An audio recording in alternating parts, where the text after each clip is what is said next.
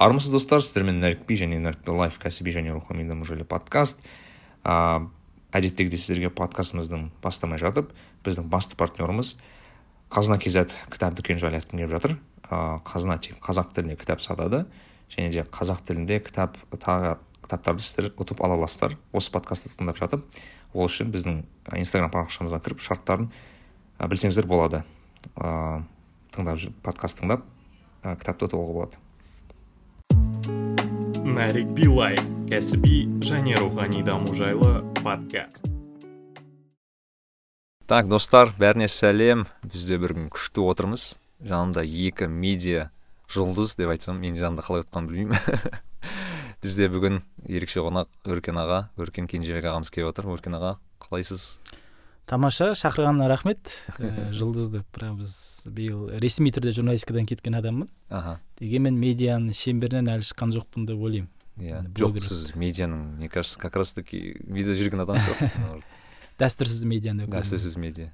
Ә, тағы нетрадиционный медианың өкілі. Осы подкасттың амбассадоры данияр жігітбек. Дәке қалайсыз? Жақсы жақсы рахмет.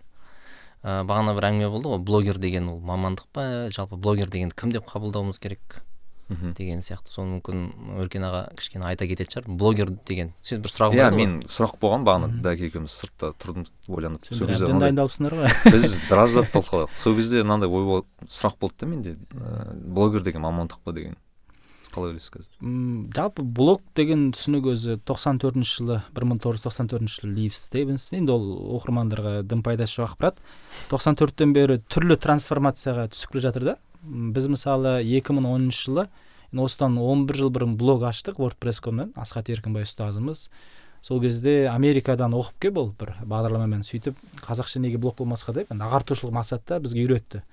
Ә, сол кезде блог ұғымы не еді ол? Арнайы блог платформада блогы бар ғана адамды блогер деп санайтын. Wordpress.com бло- блогер.com болды. Одан кейін қазақша блог платформалар бар. Керек инфо там өзімде жаңағы жайсан басқа деген секілді.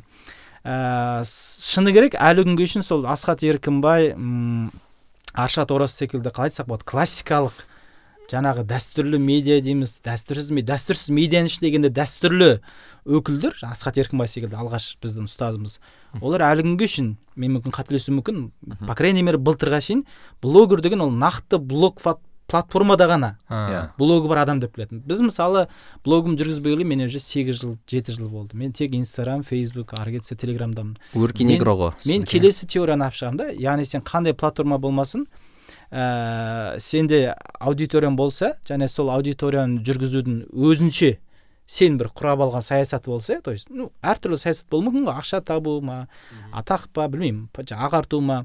Онда сен блогерсің деген. Бірақ жаңағы сіздің айтқан сұрағыңыз мамандық па деген. Мен соңғы бір екі жылда бұған мамандық ретінде кәдімгі қарайтын болдым. Аха. ә, өйткені бұған шейін ермек хобби иә қосымша табыс қосымша жұмыс деген секілді жоқ. Қазір негізгі жұмысқа айналып кеткен секілді осы. Мхм. және әрине бұны университетте бір оқытады дегенге бір сенбеймін енді бір келешекте кім боласың блогер боламын деген секілді. Бірақ ііі қалай айтсақ бір функциялық тұрғыдан бұл кәдімгі жұмыс. Иә. Кәдімгі жұмыс ііі қиын жұмыс оңай өзінің рутинасы бар иә былайша айтқанда. иә енді. Қазір ә, былтыр ресейде бір шу болды ғой ольга бузова ма біреу жаңағы біздің блогерлердің жұмысы шахтерліктің ауыр деп енді ляпнуть етті да сонымен бүкіл орыс халқы жаңағы оны талап жан жағынан бірақ қиындығы бар кәдімгі жұмыс. Иә. Иә онымен келісу керек. Вот. Нәрікбе жауап таптым жауап алдым мен негізі. жұмыс екен. Біз мынадай да мәселені қозғадық та мысалы қазір екінің бірі блогер бірақ блогер деген мынадай түсінік болды да иә. Әлеуметтік желіде парақшасы болса халыққа бір нәрсе айтса бір нәрсе таратса ол блогер деген бір түсінік қалыптасты да. Сол үшін ә, мынадай ролевой модель деген нәрсе бар ғой. Мысалы қазіргі ә, жасөспірім жастардың жалпы ролевой модельдері еліктейтін адамдары бір үлгі алатын адамдар осы блогерлар болып кетті да. Мысалы ә, бағанағыдай өзіңіз айтқандай бір белгілі бір инженер Иә, иә. программист емес блогер. Яғни жарайды мамандық деп та- тоқталдық иә. Бірақ та осы адамдар мысалы өзінің жақсы өмірін көрсетеді ә, осындай енді жақсы ма жаман ма білмеймін бірақ та сондай адамдар ролевой модельге айналып кетті. Яғни қазір бұрын мысалы кезінде шах, ә, кім кім еді? Космонавт боламын анау мынау боламын деген Иә, сияқты болды ғой. Юрист боламын экономист боламын енді қазір блогер боламын деген шықты да. Осыған өкінішке қарай қалай айтса дебилизация дейміз ғой енді сондай сөз бар ғой жаңағы адамдарды мәңгүрттендіру иә. Бұған шейін біздің телевидение атсалыстық халықты ақымақ қылуға өз басым жақсы атсалыстым деп ой енді әзіл ғой сарказм дұрыс түсініңіздер ә, қазір де ә, біз мысалы образ сатамыз да негізі. Біздің ә, әр ә, с- мысалы бьюти блогер өзінің жаңағы фуд блогер болсын мен мысалы тревел блогер болсам образ сатамын мысалы мен екі үш ай ешқайда шықпай қалсам адамдар уже жазады. Айналайын сен неге шықпай жатсың деп? Мені қинайды да мен өзім де түсініп тұрмын мен өз образымның тұтқынымын заложник своего образа енді ол жақсы әрі жаман. Өкінішке қарай менің де ә, жас кезімде осындай блогерлер болған кезде өркен секілді білмеймін жаңағы есентаева кім бар еді жаңағы айжан байзақова деген секілді. Мен де мүмкін ә, программист оқымай бірден ә, Блогер. блогерлікке түсіп не ақыры академиялық білім алмай не тіл білмей ә, қаншама уақытын жоғалтып кейін ә, жаңағы тіземді ұрарым едім деп ойлаймын да. Сондықтан ә, өкінішке қарай бұл жерде ең жақсы жауап қандай? Әр адамның санасына қалдырасың да критикалық ойлауына. Аха. Ә, иә сен жақсы мен жаманды айыра біл мысалы. Мен мен былай бөлемін мысалы. Пайдалы блогер бар сосын популярный дейміз ғой танымал блогер бар. Екеуін ажырата білу керек мысалы. Пайдалысын оқысы оқы ә, популярныйға жүгірме то есть. Ол, ол не бермейді. Құр фантиктен басқа ешнәрсе бермейді деген секілді. Әрине бұл жерде өзіміздің жарнама емес. Дегенмен ә, менің ойымша ә, блогерлік дегенде бұл ә, мысалы біз неге жазыламыз? Ол бір мотивация ғой. Ә, мотивация бір. Мысалы мен саяхаттанып көрді адам күшті екен деген секілді. Мысалы тағы біреудің адамын бір жерде оқыдым марфуға шапиянды? Иә. Күшті бір сөзін. О күшті екен деген секілді. Бірақ сенің өмірің ол тоқсан пайыз өзіңнің қолыңда сен білімін иә тәрбиен әке шешеден алатын әлде біреуге беретін тәрбиен а бізде өкінішке қарай біз сондай қоғамбыз кеңес одағынан қалған. Бізде бүкіл ә, тәрбиені болсын бүкіл лидерлікті басқа адамға беріп қойған жақсы көреміз да мысалы. Бәрін президент шешсін. Иә иә иә өз басын не біреуді іздеп тұрамыз жаңағы. Басына соны арта салайықшы соны жауапкершілік деген сияқты. Иә. мысалы ата ана ата аналардың дилеммасы қандай? Мектеп неге баламызды тәрбиелемейді деген секілді ше? Айналайын мектептің білім беру ғана функциясы бар. Аптасына бір рет тәрбие сабағы болады болмайды. Ол қанша? Ол бізде б- б- көріп отырсыз ғой. Всегда осындай крайний іздеп тұрамыз. Кінәлі болсақ та және жақсылық іздесек те сондықтан да блогерлерге де бір ә, жаңағы чудо спаситель бір құтқа адамзат, адамзатты құтқарушы қазақ руханиятының элитасы деп қарамау керек та. Иә. ол жай ғана ә, белгілі бір мөлшерде ақпарат беріп отырған адам болды. Одан артық ә, не беру болмайды. Сипат беру болмайды да то есть. Мен мен солай ойлаймын. Сондықтан әр адам несіне қалдырамыз. Біз жаңа ғана осы дәкең екеуміз соны талқылап жатып мынандай ойға келдік. Та мысалы дәке бір м, інісін мысалға келтірді да ана біздің ағарыс бар ғой. Иә қарсы иә ағарысты енді қаншалықты роль моделға келмейтін шығар бірақ бірақ цитировать етіп жүреді былайша айтқанда иә? цитировать етіп жүреді нелерін ыыы сөздерін айтып жүреді. Мысалы анау ағарыс деген ыыы мұрны бітіп аллергиясы бар екен ғой сол Иә, соған анау нафазалин сеппей қойып едім. Сосын сөйтіп жеңдім деген сияқты анау Иә. аллергиямды мұрнымның бітелуін. Айтып сен бұрын себе беретін едім деген сияқты. Анау інімнің де мұрны бітіп жүрді. Ә, сосын сол айтады да ағарыс сөйтіп еді мен енді қазір нафазалин сеппей жүрмін деген сияқты. Бір жағынан бұл жерде анау дәріге үйрену деген нәрсе бар ғой соны айтып тұр ғой. Енді бұл жерде ағарыс мүмкін жақсы бір үлгі көрсеткен шығар. Ыыы бірақ енді ағарыстың да сторизерін көріп жүрміз. Ол мысалы мен інім оны оқығанына былай өкінбеймін. Негізі жақсы Иә. нәрселер айтады. Ыыы бірақ та ағарыстан да басқа да образдар бар ғой. Ыыы олар ол- көбірек сияқты олар көбірек, ағарыс. иә. Мен ауылға барған кезде сондай нені байқаймын? Ыыы қазір мысалы ше қазір мынандай мәселе қозғаймын тик ток бар ғой. Қазір сіздер барсыздар ма тик токта Мен бармыз. Сіз бақылаймын барсыздар. бақылау үшін. Бақылау. бірақ самадыңыздар әлі контент.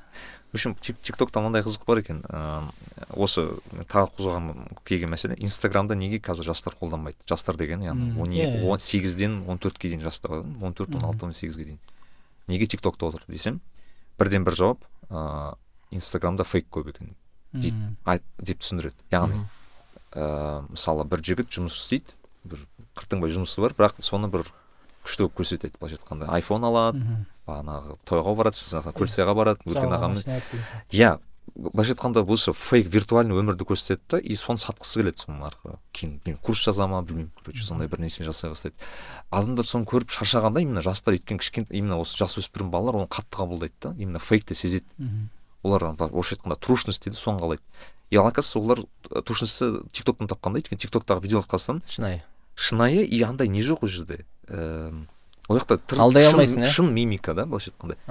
Өйткені инстаграм изначально ол суреттерді фильтр фильтр жасайтын платформа болған ғой Иә, негізінде. жасандылық жасандылықты көрсететін ғой, о бастаған идеясы сондай болған. Мхм. А тиктоктың мәселесі ол просто білмеймін билей салу бір нәрсе бір челлендж жасай салу. Ол жерде адамдар боянбайды не істемейді особо фильтр жасамайды особо да мысалы.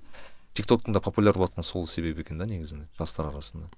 Инстаграм кстати сол жағынан құртқан сияқты біраз зат бірақ менің бағанағы інім ағарыстың ә, несі фанаты десек те болатын шығар ол ә, ке- сол тиктокта бар. Бірақ маған ә, оны не дейді да андай ә, біраз ана діни нәрсе не парақшалар жазылып қалған ғой білмеймін енді бір он он үштегі бала ғой. Былай дұрыс нәрселер айтады да дін тұрғысынан бір парақша сол тиктоктағы сондай парақшалар жазылған екен. Иә. Сол үшін енді ол бір жақты айта алмайсың мысалы тикток ойбай құртып жатыр деген. Бұл жерде баланың өзі адамның өзі қандай тәрбие қандай соған сай контентті де пайдаланып жатыр да. Демек ыыы сол ініме қараймын да. Иә. Былай былайша айтқанда халал контентті көреді да тиктоктағы. Он үш жастағы бала ғой былайша айтсаң былай қарасаң әр нәрсеге еліктегіш. Бірақ та ыыы сондай сондай біраз хадистерді айтып анау мынау со- соларды айтады да. Сосын мен ойлаймын бір жағынан қуанамын да. Демек Мгм. тикток деген ол мен Э, айтишник мына затты түсіндіре аламын мен тиктокты зерттеп қарадым да. Ыыы, в общем кез келген платформада фейсбук болсын жалпы әлеуметтік желілерде мынандай ә, не бар қалай есептейсің сен популярностьті мысалы инстаграмда қалай есептейді? Подписчикпен есептейді көбінесе. Мхм. бір екінші лайкпен есептейді. Екі үшінші ана стористағы просмотр дейді ғой осыны охват. охватымен тексереді. Инстаграм сонысымен алып алғанда Аха. яғни қазір қалай есептейді көбінесе? Маркетологтар а, подписчиктің санын алады соңғы постын алады. Посттың санын ана бөледі ол жақта процент шығады осындай процент Иә. значит ә, Иә, вовлеченность иә, осындай процент екен. engagement rate. Иә. дейді иә. Вот ә, неде? Инстаграмда engagement rate оказывается өте төмен екен негізі. Иә. Өте төмен. он процент это уже короче с- не екен да сан екен да. Болудың өзі. Қазақстанда ең көп он екі процент. 12%. кімде Мың- екенін білемін бірақ өкінішке қарай ол құпия зерттеу. Иә. Негізі былай қолмен зерттесең болады да негізі Иә. былай. Яғни он екі процент это потолок та. Прям потолок. Мен мысалы алдында просто өзім миллионниктер зерттей бастадым. Мә мен бір проценттен төмендер таптым ғой ол жерде. Просто вот буквально типа миллион подписчик. Иә. соңғы лайк постын қарайсың там бес мың лайк та. Мүмкін емес цифралар да негізі ол. Иә. то есть либо накрутка либо бағанағы Фейк. Фейк либо бағанағы ана өтірік ана выращивание ногтей деген сияқты солай жазылып алған білмеймін короче осылай не істеп алған да тикток не алатын себеп сол екен? Тиктокта подписчик саны өте аз болуы мүмкін. Иә. Бірақ юзер engagement просто тоқсан процентқа дейін болады ол жақта настолько тиктокта инстаграм кебін киеді ғой. Инстаграм басында бізді кірмей жүрдік қой. Бұл жаңағы Иә. зұлымдықтың ордасы жаңағы харам. Твиттерде едіңіздер ғой иә? Жоқ жаңағы иә твиттерде едік одан фейсбукте жүрдік. Бақылап жүрдік. Екі үш жылдан кейін барып кірдік қой. Мен мысалы сторис түсіре бастағанбыз соңғы үш жыл сол кезде ііі инстаграмның жауы болған не нәрсе? Плюсы да минусы да ол жаңағы бизнеси ортаға айналу иә маркетплейске айналу яғни әркім бір дүние сатады иә жаңағы ә, носки сатады біреу же қолғап деген секілді. Сөйтіп мына коммерциялық аккаунттар дейміз ғой жаңағы фейк деп отырғанымыз көбінесе коммерциялық аккаунттар ғой жаңағы мысалы. Иә. бір парикмахерскийдің оның да аккаунты бар ананың да Иә. аккаунты бар. Мысалы ол реальный адамдардан жаңағы коммерциялық аккаунттар көбейіп кетті да мысалы. Мен өзім есептеген кезде менде де бір алпыс пайызы коммерциялық аккаунт екен мысалы. Ойлап қарасақ. Сондықтан да олар бот ретінде есептелінеді ғой яғни коммерциялық аккаунт бір біз көп адамға лайк баспайды деп ойлаймын. Өйткені реальный адам басқа ғой жүргізіп отырған сол ал тикток әзірге бизнеси былай сататын орта- ортаға айналған жоқ та. Әзірге былай шығармашылық орта иә. Иә. әркім билейді челлендж жасайды жаңағы күледі жылайды деген секілді. Бірақ түбінде бір білмеймін ол жарты жылдан бір жылда ма ол да инстаграмдағы бизнеси не келеді ғой. Механизмдер сату деген. Ол кезде де жаңағы аккаунттар көбейіп ііі инстаграм ол да сондай бір кебін киеді дейсіз ғой иә иә екіншіден нәрсе тиктоктың феномені бұл. Тиктокта ана сторонний дейміз ғой яғни сыртқы қолданбалар жоқ қой. Сіз видеоны да сол жерде түсіресіз и сол жерде монтаждайсыз бірден саласыз мысалы. Иә. Инстаграмда енді ол жаңағы иншот қолданамыз иә басқа видео үшін фото үшін фильтр басқа деген секілді. Одан кейін енді бұл тағы да геополитика түсінікті иә бұл енді қытайдың өнімі болғандықтан алгоритмді ашып жіберіп отыр кәдімгі. Мысалы қытайдың Huawei болсын Huawei иә. Олардың жаңағы қалай пайда тапты өзінің себестоимость дейміз ғой өзінің құнынан төмен жұмыс істеді да ана мысалы LG қазір телефон шығармайды мысалы біз қанша сол компаниямен жұмыс істедік? Мүлдем әлемдік рынокқа телефон шығармайтын болдық. болды ма? Кәдімгі өлтірді кәдімгі. Өйткені қытайлар өлтірді. Ә, сол секілді ана тик токта менің ойымша алгоритмді жібереді аттың басын. Ә, мысалы менде үш ақ подписчик болып қажылықтан түсірген бір видеом жүз сексен алты мың просмотр жинаған. Үш ақ подписчик мүмкін емес та TikTokта ол. ма? иә иә. Негізі есі дұрыс емес алгоритм да ә, бірақ ә, инстаграм әбден жаңағы цукерберг жаңағы ақша әкелу несіне кіргізіп тастады ғой алгоритм Аха. бәрін. Мысалы қазір тоғыз процент деп айтады енді. Сен ә, бір дүние салған кезде саған жазылған адамдардың тоғыз ақ проценті көреді. Егер алғашқы 15 минутта жиырма отыз адам лайк баспаса а лайк басса тағы да тоғыз процент коридорды аша береді да. Алғашқы 15 минутта ешкім елемесе сол тоғыз процентте қалады. Хотя саған жүз мың адам жазылып тұр әлде миллион адам жазылып тұр. Ал тик токта андай не жоқ та то есть. Сондықтан менің ойымша осы алгоритмі пәле болады ау түбінде неге? Тиктоктың инстаграмға. то есть. Егер ол алгоритмді қазір сәл ә, немаса өзгертпесе. жеңілдетпесе жоқ шын ғой мысалы мен даже кейде байқаймын. Мен де айтпаймын мен блогер емеспін да Иә. мүлдем. Мысалы менде қанша бес мың адам болса кейде мысалы бір сторис үш мың адамға дейін барады. То есть это какой то запредельный суммалар да мен үшін типа үш просмотр алпыс процент деген ну типа мен- ол мен адам аз кезде сондай болады. Вот вот көбейген мен- сайын анау азая мен береді айтып тұрмын ғой то есть мысалы сен мен- я более менее андай уверен что мысалы миллион болсаң сегіз жүз мың болсаң ондай даже близко ондай цифралар болмайды иә. Сонымен блогерлік жақсы ма жаман ба деп па нарик билай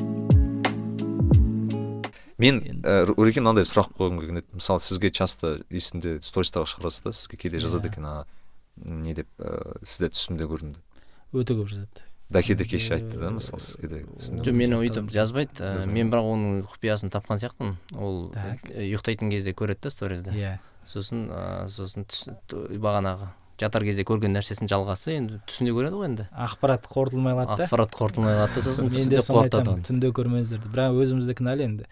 Түнде саламыз или адамдар кеш жұмыстан кейін салады деген секілді. Ол да ә, мен енді мынандай қиын мәселе осы дилемма ше. Иә. ә, бағана айтып отырған мәселе қайта келсек мен мысалы мектеп отырған кезде екі ақ адам қонаққа келген мектепке ойық ауылына мен әлі есімнен кетпейді. Өйткені екі ақ адам келген да. Екінші класста ма тұманбай молдағалиев атамыз келді марқұм ақын. Мен аузыма түкірді ма түкірмедім ба әйтеуір отыз өлең жаттағым келеді деп. Бір жарты жыл бұрын дайындалдық. Өйткені ол событие ғой. Иә иә. ойыққа мәдениет үйіне тұмай молдағалиев жақсы. Одан кейін жетінші класста ма италий ма виталий ма василий ма букрин деген бір иллюзионист келді. Жамбыл облыстық филармониясынан келді да андай шляпадан көгершін шығарады деген секілді. Енді ол да керемет жаңалық қой біз үшін. Ауылдың деңгейінде ол кәдімгі экспо өткен секілді ғой. Сонда мен тоғыз жыл мектепте оқыған кезде тоғызыншы класс деген қалаға кеттім. Екі ақ адам бір елеп келген да бір. Адамсыңдар адамсыңдар ау деп осы сияқты бір. Ә, сендерге де бір көңіл бөлу керек екен деп. Ал қазір ә, көңіл өте көп та то есть. Айтайын деп отырған ә, мына мен мынандай нәрседен қорқамын да мысалы менен біреу танымайтын біреу ақша сұрайды. Кеше сырымбек аға айтып отыр он миллион теңге сұрайды дейді. Бір күнде төрт адам он миллион теңге сұрайды и біреуін танымаймын дейді да. Ей мен саған неге беремін десем мен де бір қазақтың баласымын ғой деп. То есть айтайын деп отырғаным инстаграмнан күніге көре білген соң біздің стористерді біздің дауысымыз уже оларға бір таныс дос біздің сияқты болып кете ма түріміз бір ағаң секілді бауырын секілді болып кетеді да. Содан маған ә, тіпті қарыз кезде мен былай тиямын қазір. Мен бір айта берейін иә мысалы түркияда медреседе оқып жүремін ақшам жетпей жатыр дейді. Мен айтамын так мен қайдан білейін сен қазір сирияға жіберіп қоймайсың ба? Е жарайды ол сылтау ғой. Мен айтамын сен бірінші нең бар ғой? Мынандай круг деген болады ғой. Әке шеше одан кейін екінші круг. Мхм ағайын туыс бауыр не үшін онда сен дос жинайсың иә то есть? Адамсың ғой сен социум бар ғой. Одан кейін бар ғой үшінші круг ал с- содан кейін барып төртінші бесінші кругта тұрмын ғой мен былай былайша қараған кезде ше бір. Күннің дискісіндегі бір нептун секілді болып тұрмын ғой. Неге сен мен- менен бірінші сұрайсың деймін да мысалы. Сен бірінші аналардан сұрадың ба? То есть айтайын деп отырғаным мына инстаграм мына иллюзия мына нені дистанцияны құртады да шекара. Иә субординация дейміз ғой. И осы нәрсені біз енді ескілікті көріп қалған адамбыз. Ә, мысалы болмаса жаңағы марғұлан сейсенбайға сен ей сен қалайсың? деп м, или голосовой жібермейсің ғой Иә. инстаграмына. Бәрібір бұрынғы этикет ол жаман жақсы болсын советский болсын или білмеймін. Этикет сіңген да мысалы ә, ал қазіргі жастарда өкінішке қарай м, осы бір иллюзия. Бәрі бізге дос бәрі бізге ә, аға бауыр қиналсам көмектеседі деген секілді. Ана қайрат құдайберген өткенде майбахында отыр да сөйтіп сторис түсіріп жатқан кезде айтып жатыр да. Бүгін менен бір адам қарыз сұрап отыр уже ол кісіге айттым алпыс екінші сен очередьте тұрсың дей ма алпысыншы адам «Е, пожалуйста э, сұрай бермеші деген секілді. То есть біз ә, өзіміз де кінәліміз да? Иә. сондай мейірімдіміз инстаграмда сондай ә, ақшалы баймыз иә мысалы. Иә, иә. сондай білмеймін жаңағы не қайырымдылық жасағашпыз ә, ол образды өкінішке қарай мен мысалы екі лайфхагым бар. Аха. Ә, біріншісінде ә, мен қиналып отырған сәттерімді саламын мысалы түнде көзім қызарып таңға шейін мысалы пост жазамын мен де ақша табуым керек қой. Иә. сондай сәттерді арнайы салып қоямын. Міне қыздар жігіттер мен бүгін күндіз қыдырдым көлсайда жарайды. Енді қазір түнде таңға шейін сендер ұйықтап жатқан кезде мен жұмыс істеп жатырмын то есть ол процессті көрсетесіз процессті көрсетемін. Иә. ана адамдар успех успехті көрмес үшін иә иә. Екінші дүние мен мені қызғанады ау деген адамдарды мен стористен блоктап тастаймын. Өйткені ә, Вау. ол адамдардың өзіне ауыр тимес үшін білесің ғой шамамен. Қандай сіз Э, қалай білесіз менің жақын достарым болуы мен біразын білемін негізі. иә. То есть ол адамдардың ә, жақсылығы үшін то есть өздеріне ауыр тиіп қалмас үшін ауырып қалмас үшін мен блоктап тастаймын. Ол кісілер біле ме ол былай қарасам бірге өте жақсы бастағанбыз араласамыз бірге бастағанбыз дейді иә. беттен сүйіп амандасамыз деген секілді. Бірақ біз исламда да бар ғой жаңағы қызғаныш. алла тағала іші тар қылған ол ол ол, ол адамды өз өзіне ешне істей алмайды. Ол Иә. қызғанбайын десе де қызғанып қояды немесе біреу мысалы бір ә, жаңағы құран талапбектің роллс ройсын көргеннен ол екі күн ауырып жатуы мүмкін да. Мысалы иә. сондай әлсіз да. А мысалы енді басқа тақырыпқа өтіп бара жатырмыз негізі энергетикасы әлсіз адамдар болады ол кезде ана адам көзі немесе сөзі керісінше ана адамды өлтіріп қоюы мүмкін да мысалы сондықтан да ә, менің лайфхагым қызғанады ау деген адамдарды стористе көбіне біз сториске салып жүрміз ғой пост жазбағалы анда санда блоктау екіншісі процессті көрсету. Үшіншісін ойлап тапқан жоқпын может данияр білетін шығар. Қалай адамдарға анау иә біз әдемі өмірді көрсетеміз ғой енді барып жатқанымыз рас шетелге жеп жатқанымыз рас мініп жатқанымыз рас иә? Сонымен бірге біздің реал адам екенімізді қалай ұмыттырмау керек? Мен әлі, мен әлі іздеп жүрмін осы механизмдерді шыны керек. Тиктокқа бару керек шығар мүмкін. Шынайы өмірді көрсету үшін. Ой тик ток. Маған ә, нәрікбек таңқалып отыр ғой қалай сізді жақын адамдарыңыз қызғанады? Негізі өзі қызғаныш деген өзі сондай нәрсе емес па жақын адамың қызғанады. жақын адам қызғанады. Сенімен араласып жүреді да ол сені өз кеткенін көреді да. Мысалы біз америкадағы бір адамды қызғана алмаймыз ғой. Иә. а ол сен мысалы класстасың бағанағы досың бірге араласып жүрген адам кенеттен өсіп кетсе бірден бағанағыдай. Мен қуанады екенмін сіз өте жақсы адам болып тұрсыз. Иә, просто. Сосын бағана өркен аға айтты ғой не деп ыыы шекара ыыы нетіп кетті кеңейіп кетті ә, сызылып кетті деген сияқты. Ол ол да бар. Мысалы мен біреуге жазыламын біреу маған жазылады. Онлайн бір бірімізді бақылап жүреміз да кейін оффлайнда кездессек бұрыннан таныс адам сияқты сөйлесіп кетеміз. Сіз байқаған шығарсыздар ондайды. Иә солай. Ыыы сондай талай бір адаммен солай таныстым амстердамда отырып. Сосын өткен жолы бір радиода кім ә, мақсат базарбаев бір сұхбат беріп отыр енді. Ол бір бізге мақсат базарбаев бір екі мыңыншы жылдардың бір әншісі болып қалып қалған ғой есімізде. Иә иә. Иә сол кезде журналист сұрап отыр да ыыы қазіргі танымалдық пен кезіндегі танымалдықтың айырмашылығы қандай дейді? Сол кезде айтады да ол біздің кезімізде бізді кәдімгідей анау көйлектерімізді жыртып алып Иә. кәдімгідей екі метрлеп хаттар жазып сондай фанатизм қатты болған қазір фанатизм тақырыбына кіреміз ғой. иә иә. А қазір неге ондай жоқ десең ол қазір енді сен бағанағыдай отбасы мүшесі сияқты болып кеткен күнде көресің ыыы неден көресің инстаграмнан көресің тамақ жеп жатқанын нетіп жатқанын көресің. Сосын ол адам саған жақын адам сияқты болады. Ондай фанатизм деңгейі де қатты емес та бұрынғы жылдарда бұрын енді телевизордан көреді иә. ол қаттырақ болатын. Бірақ дегенмен фанатизм бар да. Жоқ дәке бұл жерде разница бар. Бұрында фанатизм ә, қаттырақ болғанымен ол белгілі топ адамдарға ғана фанатизм болатын. То есть мысалы екі сет дата сетта мысалы мына жерде адамдардың саны бар фанатизмге Иә. ауыратын адамдар. И фанатизм өз деңгейі бар деген сияқты қазір кім ә, белсенді солардың бәрі иә то есть мысалы қазір фанатизм ауыратын адамдар көбейіп кетті бірақ фанатизм несі азайды да кішкене меніңше иә иә күші азайды. былай күш азайды бірақ ол ә, несі көбейді иә. қол жетімсіз еді ол кезде жұлдыздар мен есімде тоқсаныншы жылдары ұлан бет ұлан емес енді басқа бір қазақ газеттерінде қазақтың қыздары митхун чакрабартиге хат жазатын да то есть сондай бір айдар болатын. Апта сайын ба жаңағы қазақтың қыздары митхун чак- мен сенен бала туғым келеді өлемін деген секілді. Енді конечно митхун қазақша білмейді ғой бірақ ә, олардың да бір парын шығаратын да ол кездің инстаграмы сол ғой енді газет иә. Айтайын деп отырмын мысалы найнти уан тобы мен білуімше осы контрактыларында олар мысалы ә, жаңағы инстаграмдарын белсенді қатты жүргізбейді ә, мысалы ә, суретке түспейді концерттен кейін жаңағы фан встречалар кезінде ғана не қылады. Бір ана нені қалай айтсақ мысалы тойға шығатын әншілерге ғана тойға көресің ғой кейде ана. Иә, иә. қайрат нұртастармен мойнын бұрап тұр десе ана өлең айтып жатыр ана жақпен мынау бүйтіп жатыр ана не важно не айтып жатқаны суретке түсті болды оның жұмысын бітірді. Анау найнти уан болмаса ана бір арнайы жаңағы продюсерлермен жұмыс істейтін бір осы нені сақтай сақтайды недоступность дейміз ғой ана. Иә фанаттық бір ықыласты сақтап тұрады да мысалы. Кезінде болды ғой мысалы үйленгенін жасыру деген секілді ше жаңағы төреғали екімдер деген енді Иә, әдейі ықыласты ұстап тұру деген секілді. Сонда осы сонда ол ә, фанатизм деңгейі өседі. Иә. Ә, бірақ та бағанағыдай бұл қандай фанатизм болады сол кезде бұл кезде? Енді ол бұл, бұл жердегі мақсат тағы да бизнес тұрғысынан фанаттардың ықыласы бұл энергия ғой. Иә. Иә то есть не не өнім ұсынсаң да сатып алады иә то есть қандай концерт болса да жаңағы мен былтыр бір жаман шок болдым да біздің сай ә, так так так бауыржан исаев деген әнші болды ғой. Иә иә иә. Өмір түгел өзіңді де білмеймін сода ә, қарағандыда бір концерт жасаған ба? Концертіне екі ақ адам билет алған да бір. Енді бір серьезно? мың адамдық зал шығар. Ол былтыр газеттерде шу болды кәдімгідей ну шу болғанда қалай? Резонанс болды да. Екі ақ адам алып сол екі адам алдында өлең айтқан ба? Әлде екі адамға билетін қайтарып берген ба? Сол кезде таңқаласың да енді адамдардың ықыласы ііі қалай енді бар болды біз үшін адам жоқ қазір бауыржан исаев күшті әнші емес пе еді? Ол бізге күшті әнші бағанағы.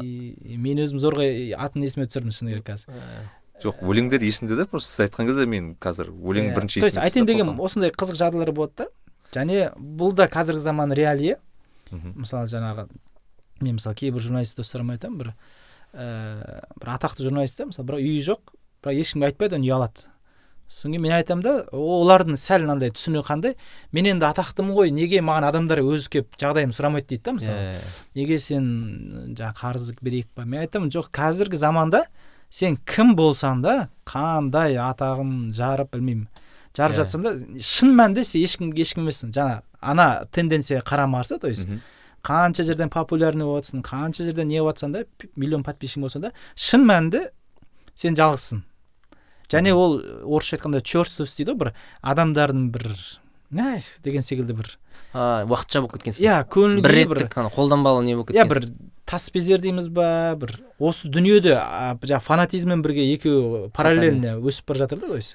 То есть қазіргі кумирлердің өзі андай одноразовый сияқты болып кеткен ғой. Иә. Бұрын мысалы кішкене ұзақтау болса. Оны білетін себебіміз мысалы сол мысалы қайрат нұртас өткенде рестораннан қашты ма сол подписчиктер мысалы мысалы сол миллион подписчигін бір елу пайыз жазып жатады о сауап сол ұсталшы деген секілді а сен тілеуін тілейді ана неде күнде күндейді дейміз ғой то есть. Иә. осыны аяғы сынсыншы осы осы осы қайрат нұртастың бір кедей болып бейшара болып ана бір ақша сұрап жүрген көрейікші бір зеленый базардың қасында деген секілді бір Иә, не иә. қосылады да бір қаскүнемдік ниет ше? То есть от, от любви к ненависти деген Иә. секілді. Фанатизм мен мына э- эгоизм дейміз ғой, қалай айтсақ болады. Или мынандай бір ә, эгоизм қосылатын секілді. Осыларға сайрандап жүреді. Менің нем бар ғой ана кейпім бар ғой ана менің проблемам. Шіркін осыған беріп қойса шіркін осы осы рак болса осы білмеймін ә, жаңағы шаш түсіп қалса деген секілді бар ғой. Әйелім беті кислотамен күйіп кетсе деген секілді. Бір сондай бір ниетті сезінемін почему то может мен сәл утрирую бірақ жоқ негізі солай сияқты шынымен. Мен бір адамдарда бір сондай не бар да? Сүрініп кетсе екен жаңа- жаңа қызғаныш деген әңгіменің сіз байқайсыз ба ол хейтерларды? Сізде жалпы қалай өзіңіз дайректке жазатындар менде дайректке көп жазбайды көбіне ә, хейтерлік менің образымның жалғасы. Мен мысалы бұрын ә, ә, мемлекеттік арнада істедім мемлекетті қанша рет қорғадым мемлекетті билікпен қазір ажырата алмайсың. Енді екеуі бір ұғым болып кетті ғой. Ә, мысалы ақорданың құйыршығы деді болмаса бекболат тілеухан ағамыздың қасында көп жүргеннен кейін жаңағы мұхамеджан араласқаннан кейін вахабит салафит дейді да мысалы. Иә. Дейтін. Ә, сол адамдарды кейде байқайсың ол адамдар инстаграмға келген кезде байқайсың. Ана мен бұрынғы образыммен мені қуып жүр да әлі елесімен. Олар негізі фейсбуктағы хейтерлар ал инстаграмда соңғы төрт бес жылдан білетіндер көбі тревел блогер жаңағы. Бір позитив нәрсе жазады деп біледі да. Менің бұрынғы фейсбуктағы соғыстарымды білмейді да мысалы талай соғысқа кірдік қой. Ә, сондықтан өзіңіз де айтып едіңіз ғой инстаграмда наивныйлау кішкене адамдар деп кішкене иә иә мен, мен, мен мысалы өзім хейтерлікке өте жақсы қараймын. Және ә, сынаған кезде мен мысалы айтамын да бұрын айтқан бір қателескен пікірлерім болса мен жүз пайыз жауап бере аламын. Ол не үшін қателестім? Мгм. мысалы мен де оппозицияда болдым иә мысалы бір жарым екі жылдай. То есть бәріне жауап бере аламын. Ал бірақ мен хейтерлікке жынданатын адамдарға түсінбеймін да. Мысалы сені біреу есек деп атаса сен есек емессің ғой енді сен сен анық біліп тұрсың ғой сен сөздің ақтығына иә иә сондықтан мен мен көп жаза ма көп жаза ма сізге хейтерлар Инстаграмда. Инстаграмда. қазір көп емес инстаграмда бұрын фейсбукта көп просто болды сіз сондай блогер сияқтысыз сіздікі көбінесе андай енді шын айтқанда ағартушылық контент қой Иә. Жоқ. бағана сіздің екі лайфхакыңыз да жұмыс істеп жатқан сияқты бұл жерде бағана қиналып жатқаныңызды көрсетесіз иә. деген сияқты сосын қиналып жатқанын блоктайсыз. көмектессе мамамнан басқасына әсер етеді мамам таңертең звондайды ой балам осы таразға келсе не болды мына көзің қызарып ой өлетін болдың ғой деп. А ол басқаларға әсер етеді а осылай екен ғой ойбу деген секілді ше. Дұрыс осы сіз әйтеуір бала шағаңызды асырап жүрсіз ана аяйды да Иә, мысалы. иә, иә. ол маған аяғаны керек қой. То есть адамда өзі екі сезім туғыза алсаң жақсы да баланс иә. восхищение саған тамсану иә тәнті болу о не деген ақылды білме и сонымен бірге аяп та тұру керек та мысалы мысалы мен жаңағы марғұлан аға білмеймін кімді айтсам болады тәнті болумен қатар кей жағдайда оларды аяйсың мысалы ту кімді айтамын азамат сатып алды жарайды бір пример енді керемет актер ә, қалай ә, еңбекқор бір сезінемін соның энергетикасын жаңағы фитнеске де барады ой театрдың репетициясы киноға да түседі бизнесін де жүргізіп жатыр ана кісіге тәнті болумен қатар әрі аяймын да то есть. Менің ондай деңгейде еңбек ете алмайтынымды түсінген кезде то есть ә, осы екі сезім қатар туғыза алсаң онда тамаша да мысалы. Сені Иә. адамдар ә, саған адамдар тәнті болумен қатар аяп тұрса мхм. аяғында енді жаңағыдай ту мынау тегі тоқтамай жұмыс істейді ой осының берекеті ғой ана бір взаимосвязь түсіну керек та адамдар. Иә, ана иә. еңбек етті ана не келді бақыт жаңағы табыс е, андай футболистерде болатын зат сияқты ана футболисттер қиналады травмалады е, гол е, салады. бір аяйсың ол мысалы. бір жағынан аяйды бір жағынан түседі біз кезінде мақала жазғанбыз мейрамбек бесбаев синдромы деп мұрат есжан жазған жақсы кезетке иә мейрамбек ағамыз енді кезінде бір неғып кетті ғой кішкене халықтың пейіліне тойынып дейміз ба бір андай бір кез болды ғой жұлдыз жұлдыз ауру деген сол кезде ауырды деген хабар келді ғой жаңағы. Иә иә барлық халық жаңағы хейтерлер дейікші енді. Барлығы жаңағы мейрамбек жазылып кетші дұғада болып деген секілді. То есть ә, осындай да то есть адамдар сені уже ә деген кезде аяды да бір кезде. Ей мынау да ауырады екен ғой абайдың бір қара сөзінде де айтады ғой сен ә, өйстіп енді енді талаптан көтеріліп келе жатқан кез мағынасы ғой енді. Иә, жұрттың бәрі саған тілекші болады. Кейін сол бір шыңға жетіп алғаннан кейін ә, сені ұмытып кетеді деген өзің сияқты ғана өзіне өзің ғана тілекші иә с- сол үшін анау кім марғұлан ағаның да жиі айтатын нәрсесі бар ғой процесс пен нәтиже деген сияқты. Тек қана процессті көрсете бермей а нәтижені көрсете бермей процессті де көрсетіп тұру керек та. Ә, осыған қалай жеттің? Мысалы бізде иллюзия туатыны ә, процессті а, нәтижені ғана көрсетеді ғой көбі инстаграмда. Мысалы саяхатын ә, Иә. көлігін тағысын тағы жақсы жа- өмірінің жақсы жақтарын көрсетеді ғой. Бірақ процессті көрсетпейді. Сосын сол екі, екі арадағы не байланыс үзіледі да анау он екі жасар он үш жасар жас балалар оны көрмейді ғой процессті. Ол нәтижені ғана көреді да ойлайды мен де қазір осыған жетіп аламын осыны істеп аламын. Ол скорее всего жетпейді оған. Сосын стресс болады. Мен Ә, сосын бір өмірден күдер үзуі де мүмкін да сол. мынадай нәрсені айтып жүрдім де хотя бұған ііі өткенде қуаныш шонбай келіспейді да осы ойыммен. Ә, мен мынадай ойда жүретінмін жетістікке жету үшін міндетті түрде бір нәрсені құрбан етуің керек та то есть денсаулықты уақытты же- жеке семейный счастье дейміз ғой руслан аға да осыны айтып еді деген бізге. иә. Бірақ ә, то есть айтайын дегенім ә, мен мысалы ана саяхат деген кезде осыдан біраз алдын басында осы мысалда түсіндіретінмін мысалы мен мына тісім қазір енді салдырдым енді қазір ондай емес. Алғаш саяхатқа шығып жүрген кезде мына жақта тістерім жоқ айталық импланттың орны жоқ. Мысалы алты жүз мың теңге тұрады имплант. Мен ол ақшаға мысалы арменияға барып келемін деген секілді. Болмаса мен 22 шаршы метр жерде жатақханада тұрып жатырмын ол образымды көрсетпеймін. Мхм. Енді қиналған қиналасың ғой ана душ коридордың басқа жағында кейде су суымайды жатақхана қалай дегенмен әйелің кейде ызыңдайды деген секілді. Бірақ мен мысалы литвада жүрмін да мысалы сол ақшаға. Иә әйтпесе үй алдым енді оны ремонттайтын ақшаны тағы да жаратып қоямын да екі жыл бойы кілтім қалтамда бірақ үйге кіре алмаймын өйткені ремонт жоқ деген секілді. Тағы да жатақханада жатырмын. Бірақ ол жиырма үш метр болатын анада бұрынғысына қарағанда бір метр артық. То есть осыны мен басында адамдарға біраз айтып жүрдім. Осындай пабликтерде болмаса стористе мен ә, негізі жаңағы әкем миллионер емес әлде мен бір жерден клад тауған жоқпын қазына. Мен бір нәрсені жертвовать етіп жатырмын уют иә мысалы. Неге мен кең баспана болмаса тісім болмаса машинам жоқ. Машина алатын ақшаның бәрі саяхатта деген секілді. Ә, белгілі бір этапта мен осы қазір бірінші приоритет мендегі саяхат. Одан кейін білмеймін ғой кім бір жылдан кейін ба может жарты жылдан кейін ба саяхат екінші орынға кетіп қалуы мүмкін бірінші орынға маған басқа нәрсе шығуы мүмкін. Бірақ мен ана нәрсе қазір жағдайым жетпесе де приоритет бірінші болғандықтан мен кейбір нәрсені құрбан етемін дейді ма то есть. И осы нәрсені түсіндірген кезде ә, адамдар жаңағы жастар айтайын дегенім ғой. А деуі мүмкін да мысалы. Мхм. Мысалы сен жаңағы осы деңгейге жеткің келсе мысалы сен уақытты құрбан ет мысалы. Ну айтайын дегенім кітапханада қамал. Мхм. Білмеймін жаңағы компьютердің ойында азат азайт деген секілді.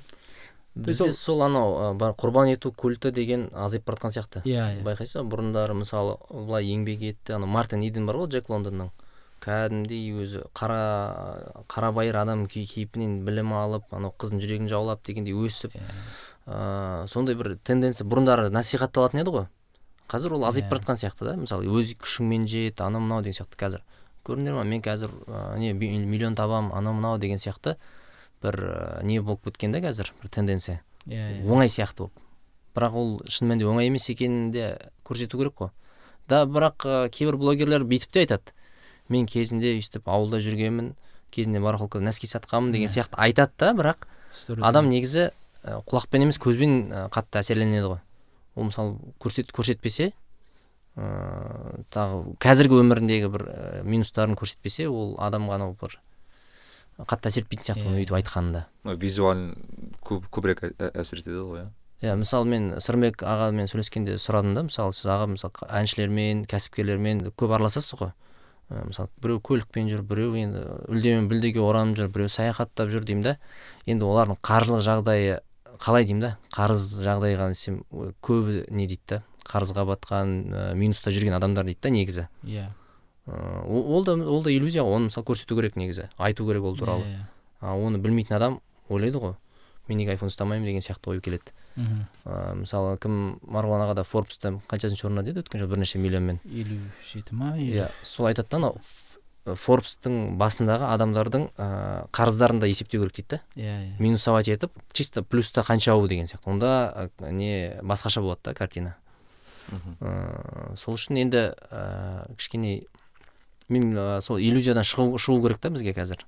Кішкене критикалар бірақ жұрттың көбі критикалық ойлана бермейді ғой. Сол өкінішке қарай ә, біз былай айта алмаймыз да мысалы мен ә, баяғыда айтатынбыз мысалы бізге де айтады мысалы бір, бір ана сайлаубек те мысалы мейрамбек бесбайбек екеуі әнші санады ғой. Иә. Хотя сайлаубек мейрам- сол секілді біздің қатарымызда да мысалы жаңағы блогер деуге келмейтін блогерлер бар да енді мысалы. Пәлеқорлықпен ә, компромат жинап фейсбукта әсіресе әкімдердің білмеймін басқа адамдардың қыр соңынан түсіп жаңағы боғын іздеп жүретін адамдар бар иә қолын тыққылап.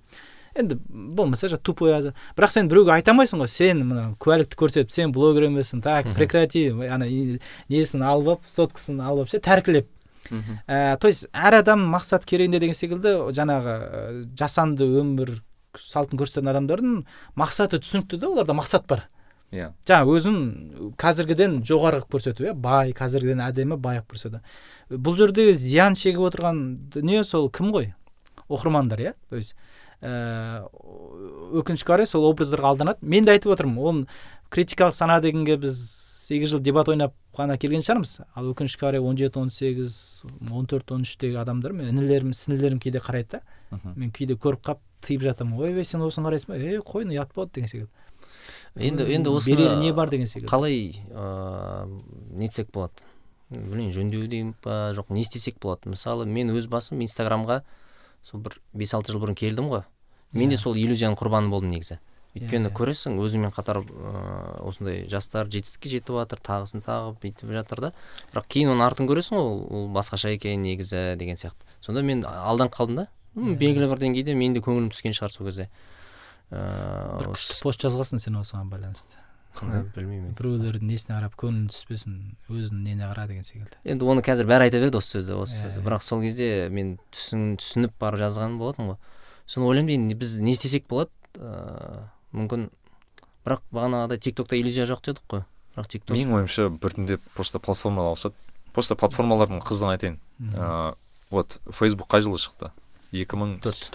Төрт екі мың төрт. Екі мың төрт? Екі мың төртте шықты. Ол, ну, типа бағы примерно екі мың жетіде прям ұшты да ол.